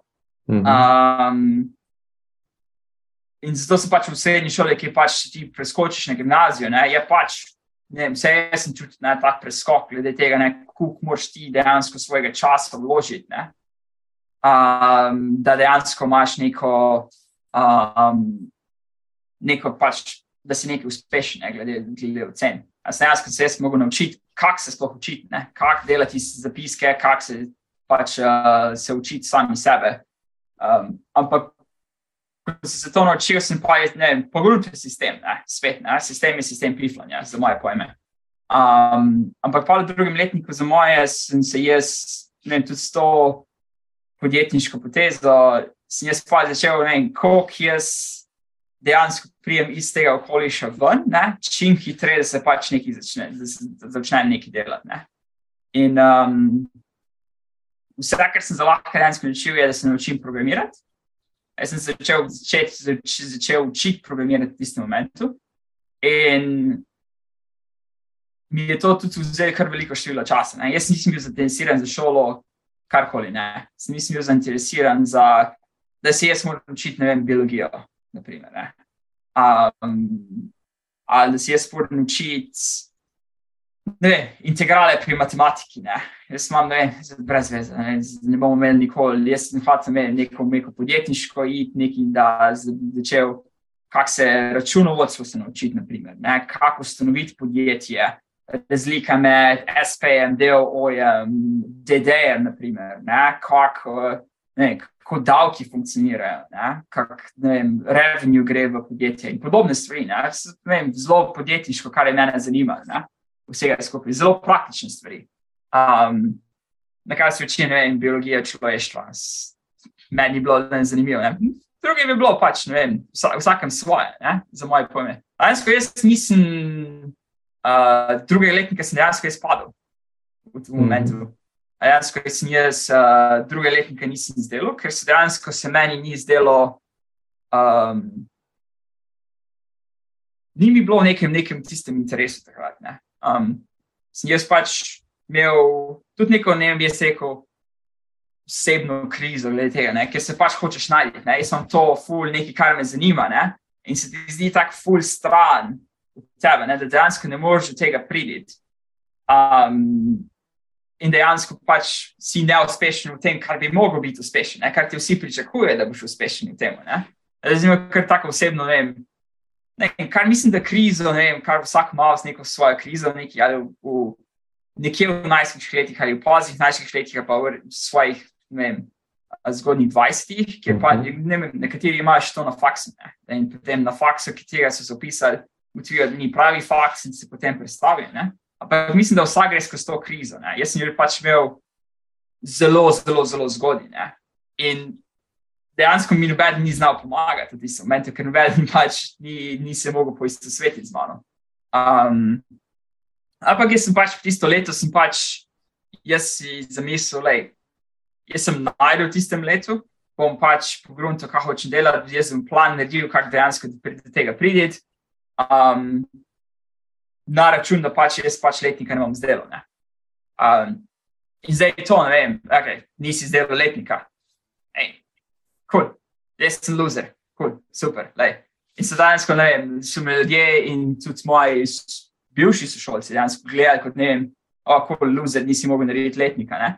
Jaz nisem, mene nikoli ni to zanimalo, ne? jaz sem bil vedno imel nek večji cilj. Ne? In takrat sem se jaz tudi, ne vem, iz splošne gimnazije predstavil na tehniško gimnazijo, kjer sem pa dobil, ne vem, veliko več fizike, um, drugega, like, drugi tuji jezik, ne, glede uh, za, za me, to je bila nemščina, si imel pa tudi veliko računalništva, si prišel programiranje, vse skupaj. Vse stvari, ko so mene ful veliko zanimale in sem si zamislil, da kar se naučim tukaj, bi bo dejansko čez 15 let, 10-15 let koristil naprej. Medtem, kar sem jaz imel prej pri splošni gimnaziji, jaz tega nisem dejansko videl. Ne. Da jaz bi lahko ostal v tem sistemu in bi se jaz pač se napiflaš in greš skozi ta sistem, ne, ampak mm -hmm ne, nikoli ne bi zadržal znanja, niti ga nikoli ne bi uporabil. Jaz sem pa zdelo še pač tiste tri letnike, ki sem jih imel za, za narediti. Dejansko zelo enostavno, zelo brez problemov. Um, so dejansko imeli ful, vse na govorilnih urah z, z mojimi starši, so bili govorili, kaj se spremeni, zakaj je lansko leto je bilo katastrofa, letos je tako vse, ne vem, ful pozitivno, v top, vem, 10% letnika, vse mhm. skupaj, kaj, kaj je zdaj ta preskok, tako zelo enostaven. Um, in so dejansko so take stvari, ne? so zmej tudi vprašanje, vem, ali doma situacija bila katastrofalna ali bilo karkoli. Dejansko ni bilo nič, da se je kaj spremenilo, jaz sem se pač samo odločil vse skupaj. Ne? Tudi dejansko mislim, da je bil mini protest, glede moj tinejdžerski mini protest vsega skupaj. Um, ampak mislim, da je tisto dejansko izkušnja, je dejansko meni pripomogla ogromno za naslednjih vem, do konca mojega življenja, po vsej verjetnosti. Ne? In se potem tudi odločil, da pač grem bolj na podjetniško smer faksa, ne? ker sem si mislil, da tehnološko se lahko jaz naučim. Ste jaz, kakorkoli sem se poznal, tehnološko se lahko jaz naučim vse, kar mi hočem, izven faksa. Znal programirati, znal brati kodo. Um, jaz, kar ne poznam, je računovodstvo, podjetništvo, mm. Makroekonomije, podobne stvari. To je bilo meni veliko zanimivo, ne?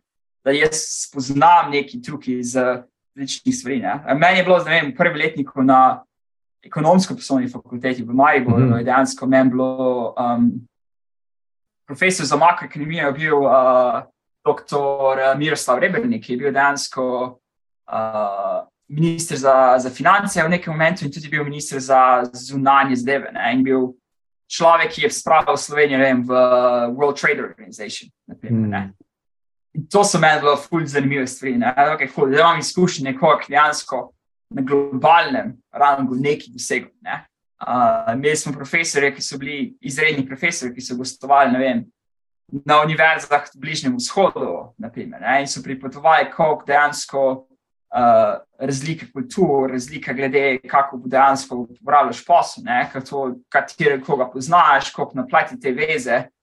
Vse so bile meni ogromno zanimive stvari. Ne? In to še vedno vem, mislim, da, da to dan danes uporabljam.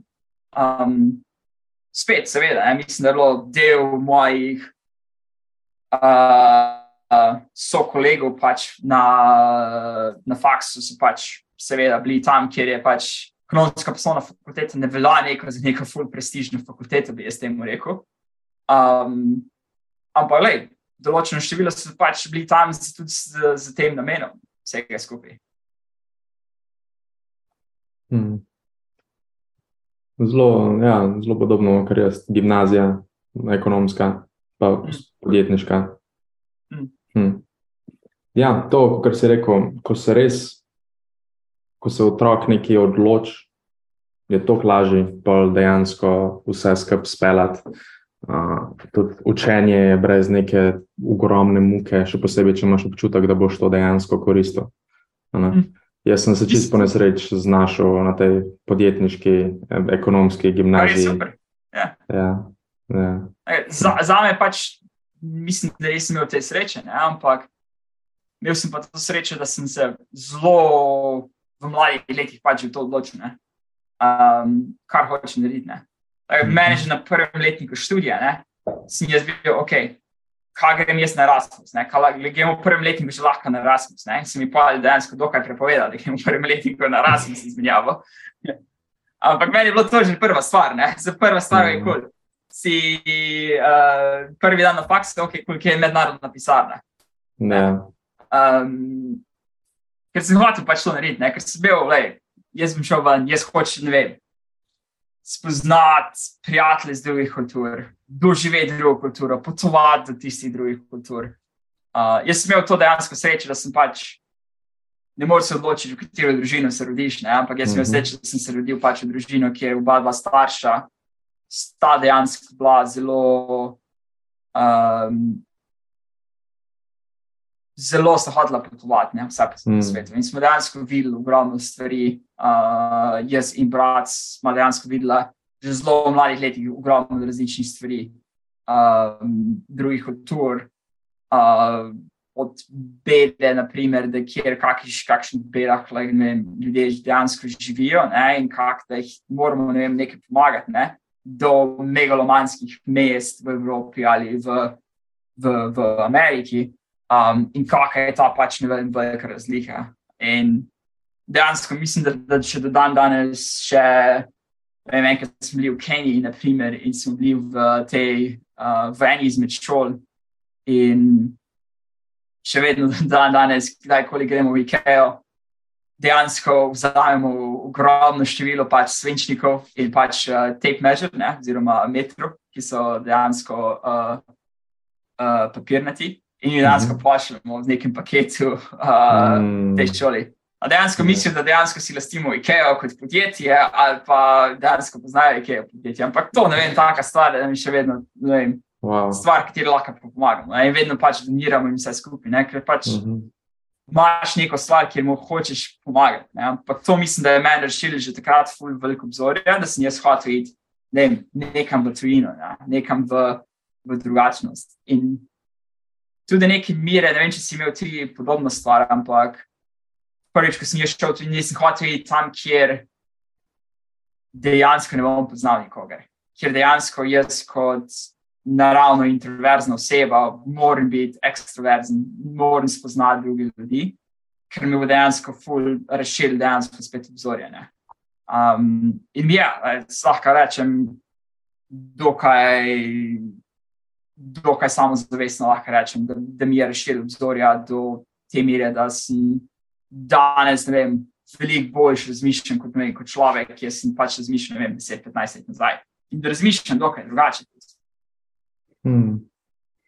Točno to je tudi ena zadeva, ki je zdaj fully relevantna za me. Pač jaz sem imel ta Erasmus v Berlinu hmm. in spravo to je bilo dve leti nazaj, uh, dve leti pa pol. In od takrat, tako dvakrat na leto, crka, hodim v Berlin tudi in imam tako kolekcijo odličnih prijateljev tam, tudi pač iz tega um, startupa, kjer sem imel internship, zelo dobro se razumem, smo prijatelji.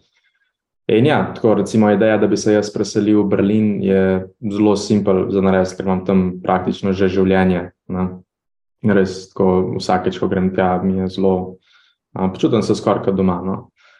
Ampak ja, kot si ti rekel, ta še vedno je neka želja, da grem raj, mogoče nekam, kam, kjer nobenega ne poznam in bom spet mogel iti čez to, a, ker je nek tak full ultra novelty. Ne? In ja, vprašanje, kaj je. Mislim, right da je ogromno je, um, je majhni svet. Veliko stvari se mm. pač naučiš, oziroma pričakuješ, kjer se nekam da preseliš nekam na novo. Ne? Mislim pa, da je nekih ogromnih mikrokulturnih razlik dejansko, no? da se jih, ki so ful tak zanimivi. Prvič, ko greš v supermarket, primer, imaš različne, imaš druge brende. Um, in se pa, moč, ne vem, tudi če greš ne vem, v v države, kjer ne razumeš jezika. Mm -hmm. Ali pa ne, država, kjer je njihova beseda, ni latinščina, ni latinica. Ne? Um, pa ti postaneš zelo, zelo zanimiv. Ne? In pa greš, ne vem, skozi neki trial, pa error, ne vem, kaj, kaj boš kupil in karkoli vse skupaj. Ne? To so za me, ne vem. Za nekateri mislim, da je to pač največja nočna mora, vsega skupaj. Mm. Za me je to nekaj fulj zanimivega, ker kaj je najslabša stvar, kar se zgodi. Ah, boš kupil nekaj, kar ti ne bo všeč. Ja. Okay, cool, si se nekaj naučil, lej, imaš neko novo izkušnjo. Hmm, ja. Hm. Ja, cel ta proces, ko iskanje novih zadev, uh, ugotavljanje, mogoče kakšne hrane sprobaš, oziroma tipe hrane, ko jih Um, nisi jim mogoče tako maro, ko si bil v prejšnji državi, tukaj so pa neki drugi brendi in dobiš nek drug pogled na zadeve. Uh, in ja, to lahko tako potem atriburaš na vse druge zadeve v lifeu, ne samo na kupovanje v trgovini. Ne? Lahko se nam kar reinventaš. Um, to je tudi full res. Ja. Hm. Uh, ok, prav, kako si ja potem ti po faksu zajadru v svojo kariero, oziroma si že med faksom, kakšne take zadeve počel? Uh, med faksom sem se jaz pač pridružil, uh, ker pač prvi let nisem mogel iti na Erasmus, in zmijal sem se pridružil uh, ISEC organizaciji. Ja, um, in ISEC organizacija, če ki ne vedo, je pač organizacija, ki dejansko vodena z, z nekih ex-študentov, um, ki se zamenja vsako leto dejansko. Um, ki dejansko ponujajo uh, internshipe uh, v določenih podjetjih, vse po svetu. In zdaj so ti internshipi v pač v velikih poslovnih podjetjih, ali pa so to ne vem, internshipi v. Da učiš ti, ne vem, angliščino ne vem, na kitajskem ali podobne stvari. Um, za me je bilo to kar tako velika izkušnja, da sem hotel dejansko iti na Kitajsko. Um, ker so v nekem momentu je zgledal in to je bilo, ne vem, 2010, jaz rekel. Je vse kazalo, tu sem se, jaz sem začel malenko začeti v Madriščine, ker je vse kazalo, da je Kitajska največja ekonomija na svetu. Um, do, like, v roku 20 let. Uh, Kitajska bo slejko prej, ker bo največja ekonomija na svetu, slejko prej se bo pa center trgovine, center vsega skupaj predstavil iz New Yorka v Šanghaj. Um, neka politična sredina se bo predstavila iz Washingtona v, v Beijing, po vsej verjetnosti. Ne? Zdaj, odkar je pač Xi Jinping uh, vodja komunistične partije na kitajskem, se je to vse skupaj pač dokaj porušilo. Um, ampak v tistem momentu sem jaz imel, ne vem, kako jaz prijem pač na kitajsko kriminal, kako lahko jaz dejansko prijem tja noter. Ne? In ker sem pač bil član ISIC, uh, je meni bila velika. Um, velika nek, uh, neka odskočna panika, katero sem jaz iskal, da grem jaz pač učiti angliščino za šest mesecev na kitajsko. Ker je zelo nizek rizik, uh, imel bom službo za šest mesecev, uh, spoznal bom kulturo. Jaz sem tudi mhm, hotel iti, mhm. ne? ker po vsej verjetnosti je do neke mere neka diskriminacija, kjer imaš v velikih mestih, ne, imaš te prestižne privatne šole, hočeš imeti native speakerje. Ne. Bo imel ljudi iz Anglije, ljudi iz Britanije, ljudi iz Amerike ali iz Avstralije, naprimer, ne, kjer imaš native speakerje, ki hočejo učiti te, te njihove otroke, pač native speaker učijo angliško. Ne. Neko imaš ta ogromno majhna mesta, in mislim, da je, vem, je 80 plus mest v, v, na kitajskem, kjer je čez milijon prebivalcev um, kaj je tako ogromna cifra za ljudi, da se to razumejo. Um, imaš te ta sekundarna mesta, kjer dejansko niso pač ekspozirane na ne neki zahodni, zahodnemu mišljenju, mišljenje je še tukaj veliko. In dejansko vzamejo ne vem, nekoga, ki se uči, ki je že dokaj dober v angleščini, um, in ni nek, nek native speaker. Ne. Tako da sem bil zelo blizu dejansko, da bi šel v delati za šest mesecev v šolo v mesto Yingde, um, ki je dejansko blizu Hongkongu. Mislim, da je tri ure iz um, Shenzhen, je kitajsko mesto, ki je nad Hongkongom, nad Hongkongsko peninsulo. Um, Imaš še tako dve ure z vlakom, da greš severno, pač to mesto Yingde, uh, ki ima, mislim, da malenkost čez milijon prebivalcev. Um, in to je bil meni kar nek, nek izziv. In tudi nekaj, nekaj okay, bom spoznal kulturo, bom videl, če lahko sploh hočem delati na kitajskem. Um, in mi bo dali pač nekaj izkušnje tudi ne, glede mm -hmm. tega. Ne. Pač potipam okolje v nekem momentu in zelo nizek rizik. Ne. Um, sem bil dejansko zelo blizu, da bi se dejansko podpišem pogodbo. Uh, nekar je pač proaktivno dejansko um, iz ISEC-a Electrolux, švedsko podjetje, ki se predvsem ukvarja z gospodinskimi aparati. aparati. Um, ponudil meni izkušnjo, da dejansko v tistem momentu oni niso imeli nikakršne D2C, direct to consumer uh, ponudbe, vse so delali prek retailerjev. In so uh, hoteli dobiti nekoga, ki je zelo dober v angleščini in v nemščini. In um, ima pač relevantno izobrazbo, da pač pride in dela pač neko internship v, kot neke vrste product manager v uh, glede njihove DTC ponudbe. Zbrati ponudnika agencijo, zbrati, kaj, kaj je sploh lahko uporabljaš. Gledate na kakšne drugačne sisteme, imajo pač Electrolux v, uh, v, svojih, v svoji hiši. Um, In to je za me bilo pač, ne vem, okay, cool, to hočem delati, tako ali tako, cool, bom šel tukaj noter, le, lahko še vedno grem na Kitajsko ali karkoli, ne vem, naprej. Sem pa ostal tistih šest mesecev in pa sem jim ponudil službo za poln delovni čas in sem pa ostal dve leti na, na, na švedskem, glede tega, ne, mm. sem pač delal. Dejansko sem imel srečo, mislim, da bi bilo moja karjerna pot bi bila zelo zanimiva, če bi pač takrat šel na Kitajsko, sem imel srečo, da se je pač to zgodilo. Um, Ampak, ja, včasih se vprašam, kaj bi bilo, če bi šel takrat na Kitajsko, kje bi vstal. Mislim, da bi bil trenutno, verjetno, vse verjetno, da bi pristal v Singapurju, na mestu v Londonu. Mm -hmm. Če je možno. Ja. Hm. Uh, by the way, imaš uh, do 12, ne, snemava. Uh, ja, imam še kakih 30 minut uh, bufferja, ampak Bomo probali zminimizirati. Ja, Okej. ja. Um, okay, se v bistvu mi je full cool, da smo se raje fokusirali na to obdobje do pred pač tega Big Techa, oziroma tvoj vstop v Big Tech, ker mislim, itak vem, da si na drugih podcastih o, o tem sklepam, da že govoril. Um, ampak, če bi probo, se pravi, če bi probil pinpointat uh, neko eno zadevo, kateri pripisuješ svoj uspeh, svoj, um, svoj track record, da si pač um, ti si specifično, uh, večina tvojih vlog, um, vsaj na LinkedIn-u, uh, zvrti okoli, gr- da si growth lead za X uh, ali pa pač product manager, ampak veliko več je growth leada. Mm, Vsem, I think, mislim, da je growth je drugačen, vse meni bolj zanimiv Mhm. izziv mm -hmm. kot product management.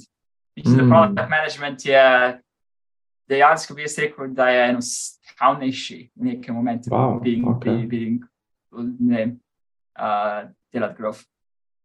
Hmm. A bi lahko tako na, na, v simple termsih razložil oba rola? Ja, mislim, product management je dejansko si vodja ali software produkta ali pa del tega software produkta, um, kar pomeni, da si ultimativno decision maker, um, karkoli bomo pač zgradili. Zdaj, če uporabljam pač neke termine, ki so pač v grajenju, ti imaš ekipo, po vsej verjetnosti, like software ekipa je zgrajena iz developerjev, iz inženirjev, z uh, data analistom ali pa z večjimi, oziroma v nekem momentu tudi data scientist in z dizajnerjem. Ne? In ti so vsi zelo dobri v svojem pač nišnem, uh, v svoji niši dejansko. Um, inženir ne zna dizajnirati, dizajner ne zna napis, napisati kode. Ne? Uh, so neki, neki unikorni, ki znajo delati oboje dvoje, ampak po veliki večini imaš to, to sekcijo. ne. Um, product manager je dejansko oseba, ki diktira, kaj se bo, zgodi, kaj se bo gradilo in organizira ta proces, kako se bo gradilo vse skupaj. ne.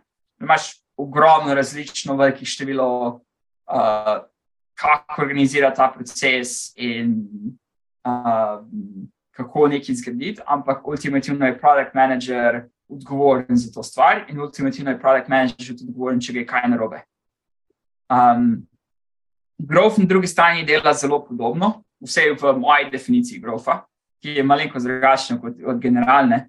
Hmm. Uh, growth dejansko je, growth product manager je podobna, ista situacija, samo da imaš, uh, da moraš imeti tudi še um, razumevanje različnih kanalov. Ne? Zdaj, product manager je odgovoren za, čemu mi podobno rečemo, product market fit. Ne? Ker tvoj produkt ima nek fit v nekem marketu. Ne? Ljudje, uporabljajo, ljudje uporabljajo ta produkt, ljudje priporočajo ta produkt, um, ker si ga ti zgradil. Ne? Zdaj za uspeh, in to je bilo super, ne vem, za zadnjih, jaz bi rekel, 25 let. Zgradiš nekaj, ljudje bojo organskega odkrili ta produkt in ta produkt poraste. Kar se je začelo dogajati zadnjih pet, pol pet let, recimo, ne, imaš, da je product market fit ni več dovolj, moraš imeti tudi še product market channel fit. Ne? Um, ker imamo toliko številk, ne vem, toliko velikih kompetitorjev, toliko velikih stvari se dan danes dogaja na internetu, je zelo, zelo težko um, dobiti vem, svoje prve customerje, um, pa se tudi diferencirati vem, z, z, z ostalimi stvarmi. Ne. Podobno je, naprimer, če dam primer, brick and mortar primer. Ti odpreš trgovino, kjer ni ogromnega like, vem, peš prometa, ne? kaj boš ti naredil, da bo ta vem, trgovina uspela. A, ni važno, kaj je ta trgovina dejansko. Temu mi rečemo product market channel fit. Ne?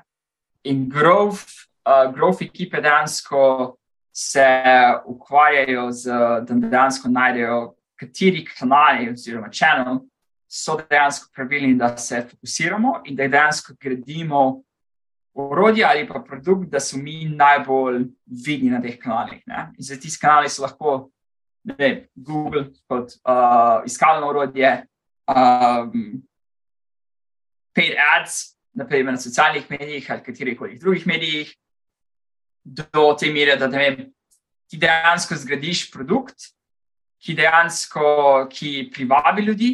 Ampak ideja tega produkta je, da je dejansko zastojn, ker določen procent teh ljudi, ki uporabljajo ta produkt, dejansko tudi uporablja tvoj drug produkt, ki je dejansko plačljiv.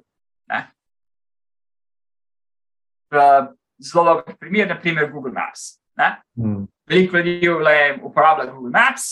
Google Maps dejansko nima nekega monetiziranja, ker vse skupaj, ali pa Gmail, naprimer, še dobro, Gmail nima monetiziranja, ker se vse skupaj, kako se monetizira, je, da so advertizeri na drugi strani, ker ti uporabljaš, dosta veliko število ljudi te uporablja ne? in so advertizeri uh, zainteresirani, da bi pač svoje glase imeli na teh produktih. Um, in ne vem, določene podobne stvari, da jih imaš, ne vem, druge. Tako da za me je, vem, da si growth product manager dejansko bolj zahteven kot bi in sam product manager. V določenih momentih imaš produkt, kjer so product manager, da imaš so bolj efektivni, ampak mislim, da se predvsem premikamo bolj, da imaš ne vem, product manager, ki tudi uh, razume product market channel fit. Hmm. In kako ti sebe vidiš v prihodnosti? Pač, Kot je tvoj track record, si v bistvu šaflo med tema dvema, oziroma kdaj si bil oboje, zdaj si tudi oboje, ne, direktor Growth and Product. Se, ja. um, kako se vidiš svojo kariero v naslednjih, recimo, desetih, dvajsetih letih? A imaš kakšno idejo, kako se bo vse skupaj razvilo?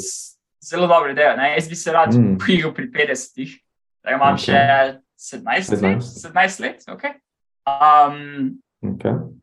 Rad bi tudi preživel vem, vse zadnjih svojih deset, svojih zadnjih deset let, bi rad preživel v, v večjem podjetju ali v podjetju, katerega sem uh, pač pomagal zgraditi, oziroma tudi like, v različnem ali pa v večjem podjetju ki bi rad delal vlogo Chief of Staff. Chief mm, of Staff wow, je okay. taka posebna vloga, ki je prihaja iz politike. Um, jaz bi rad rekel, da sem zelo dober kot uh, people manager, ampak me vloga pač ne navdušuje, ne, vsega skupaj. Za me je bolj, da sem, kjer mu rečemo, IC, individual contributor, uh, ampak na zelo ne vem, nekem senior levelu, ne? ker imaš mm. chief of staff, je taka ne vem, podaljšana roka ali CEO-ja ali pa ne vem, nekega C-levela, ne? ali je to chief product officer ali je to chief tech officer, um, katera koli, zdaj imaš ti pač neka podaljšana roka ne? in ti vodiš neke specialne pro projekte. Um, in imaš tudi veliko vpliv na strategijo in vse skupaj. Mm. Mi je všeč. Čijo vstav je bila tudi meni, a sem imel močno idejo. Jaz sem v bistvu kariero začel šele pred enim letom, pa pol, recimo, sem dokončal faks. In prva zadeva, ki sem počel, je, da sem za enega um, enega ex-podjetnika iz Amerike, um, v bistvu bil njegov tako right-hand man. Um, sem mu pač ghostwriter na Twitterju, uh, sem vodil njegov podcast, uh, sem menedžiral ljudi, ki so nam kreirali kontent uh, iz tega podcasta. Tako, vse sem zadev, zadeve sem počel, usklajeval sem folk med sabo, pa pač imel edini, ki sem imel komunikacijo s tem tipom. In ja, mi je bilo full všeč. Uh, in takrat sem tudi gledal Mansi House of Cards, in uh, tam je bila vloga Chief of Staffa zelo predstavljena. In full, full, full, full podobno, kot se reče, pač je ja. ta. Tudi plačna vloga. Če greš zdaj ne vem, v, v neke mafijske termine, imaš uh, Dona, ki je na vrhu, ne, in potem je koncilijer, iskano mm -hmm. pač vloge Chief of Staffa. Ker si ja. dejansko si številka dve, ampak dejansko tudi nisi številka dve ne, v istem momentu. Si ja. neki, imaš si v nem tem nekem neki čudni vlogi, ne, ker imaš posebno vlogo, ampak nisi ne vem, na neki matriki od podjetja, naprimer, ne, da Mhm. imaš neko dedicated stvar. Ja. Hm. Ne, zanimivo, mi je všeč. Mm. Se pravi, na podlagi celotnega pogovora, ki sem imela danes, pa tudi to, kar sem ti povedal pač v podkastu Glass Balloons, uh, nisem ti povedal, da je pač Erasmus je tudi full velik del vseh pogovorov. Ponovadi praktično vsi, ki so bili na podkastu, so um, ali živeli nekaj časa v tujini, ali pa so bili na Erasmusu, ali pa so na Erasmusu, ko je bilo posneta epizoda. Um, skupaj, like, Erasmus je super schema za Ja. vsakega v Sloveniji, naprimer, da gre v vse preizkušnje. Najslabša stvar, kar je, ima šest mesecev negativne izkušnje, si se Mhm. nekaj poskusil, ampak se obzornosti veliko več odpravijo, kot naprimer, da bi samo ostaneš v Sloveniji. Ja, tako je. Uh, in na podlagi tega uh, rad vprašam vsakega novega gosta, imamo doskrat do tripit goste, kaj vid v imenu Glass Balloons, prav stekleni baloni. Uh, kaj, je- kaj, kaj ti pade na pamet, da bi lahko bil pomen za, za tem? Uh, Zdaj je to zelo enostavno vprašanje. Ne vem, če bi bi Oh. zdelo, ne. Okay. Um, okay, imaš koncept glass ceilinga. Koncept glass ceiling Mm. je, um, je koncept, katerega imaš, da, imaš, da greš skozi glass ceiling, kjer ti vidiš nekaj vnaprej, ne? ampak imaš ti neko, nek barier oziroma neko oviro, s katero ti pač ne moreš iti skozi. Ne? In moraš pač podreti skozi ta glass ceiling, da dejansko priješ v nekje ven, kjer si odprt ne? in imaš pač to neko full eh, eksponentno pač rastne. Zdaj, če ti pač uporabiš to skozi baloni, ne, da imaš ti baloni, ki fizično ponovadi, vsaj uh, če se napolnijo s helijem ali pa s katerim drugim plinom, ki je Mhm. lažji od zraka, se vzhajajo. Ne. Imaš to stvar, kjer dejansko nimaš te uvire, ampak dejansko zagrabiš balon, pa se lahko pač naučiš veliko več. Tako bi jaz definiral vse skupaj, bi jaz razumel. Zdaj vem, če je poanta tega bila taka. Ja. Uh, nismo v teh dveh letih, pa pol še nismo javno povedali, kaj je dejansko pomen. Uh, tako da načeloma nihče ne ve, razen mogoče uh, dveh oseb. tako da uh, pomen si, ja, bi rekel, da je čist, uh, čist logična razlaga. Uh, specifično to z glass ceilingom ni bilo še uporabljen uh, od nobenega drugega gosta. Tako da si original thought. Uh, Jaz sem ja, zelo pragmatičen, tako da je Ja. vedno, logik, logika in pragmatizem je vedno za me velika stvar. ja, Kar tudi pravilno. Ima določene druge, druge stvari, ne, kjer ne vem, sanjanje in podobne stvari, oziroma dizajn, katerega se rodi iz tega, ne, ni moja vrlina, predvsem ne. Mm, Um, okay. Uh, ja, mislim, ljudje smo drugačni, ljudje imamo drugačno, drugačno razmišljanje, naši možgani funkcionirajo drugačno. Uh, vsakogar, tako da je, moš predvsem najti ljudi, kateri imajo pač tvoje, um, tvoje slabosti, so njihove, ne vem, njihove prednosti. Tako, gamerji moramo skupaj držati. ja, Vedno. ja. Kul, cool, Nate. Um, Meni je bilo super, no. Sva dejansko točno dve urci, uh, itak imamo še, še par vprašanj, imam, itak. Uh, ampak sva polovica podcasta posvetila gamingu, uh, kar je čisto ok. Uh, ampak ja, bi se ti zahvalil za tvoj čas, mi je všeč, da si si vzel. Um, pa ja, mogoče čez eno leto ponovimo s čist drugimi temami. Z veseljem. Ja. Super, nec. Super. Okay. Ej, hvala ti, Nec. Hvala ti.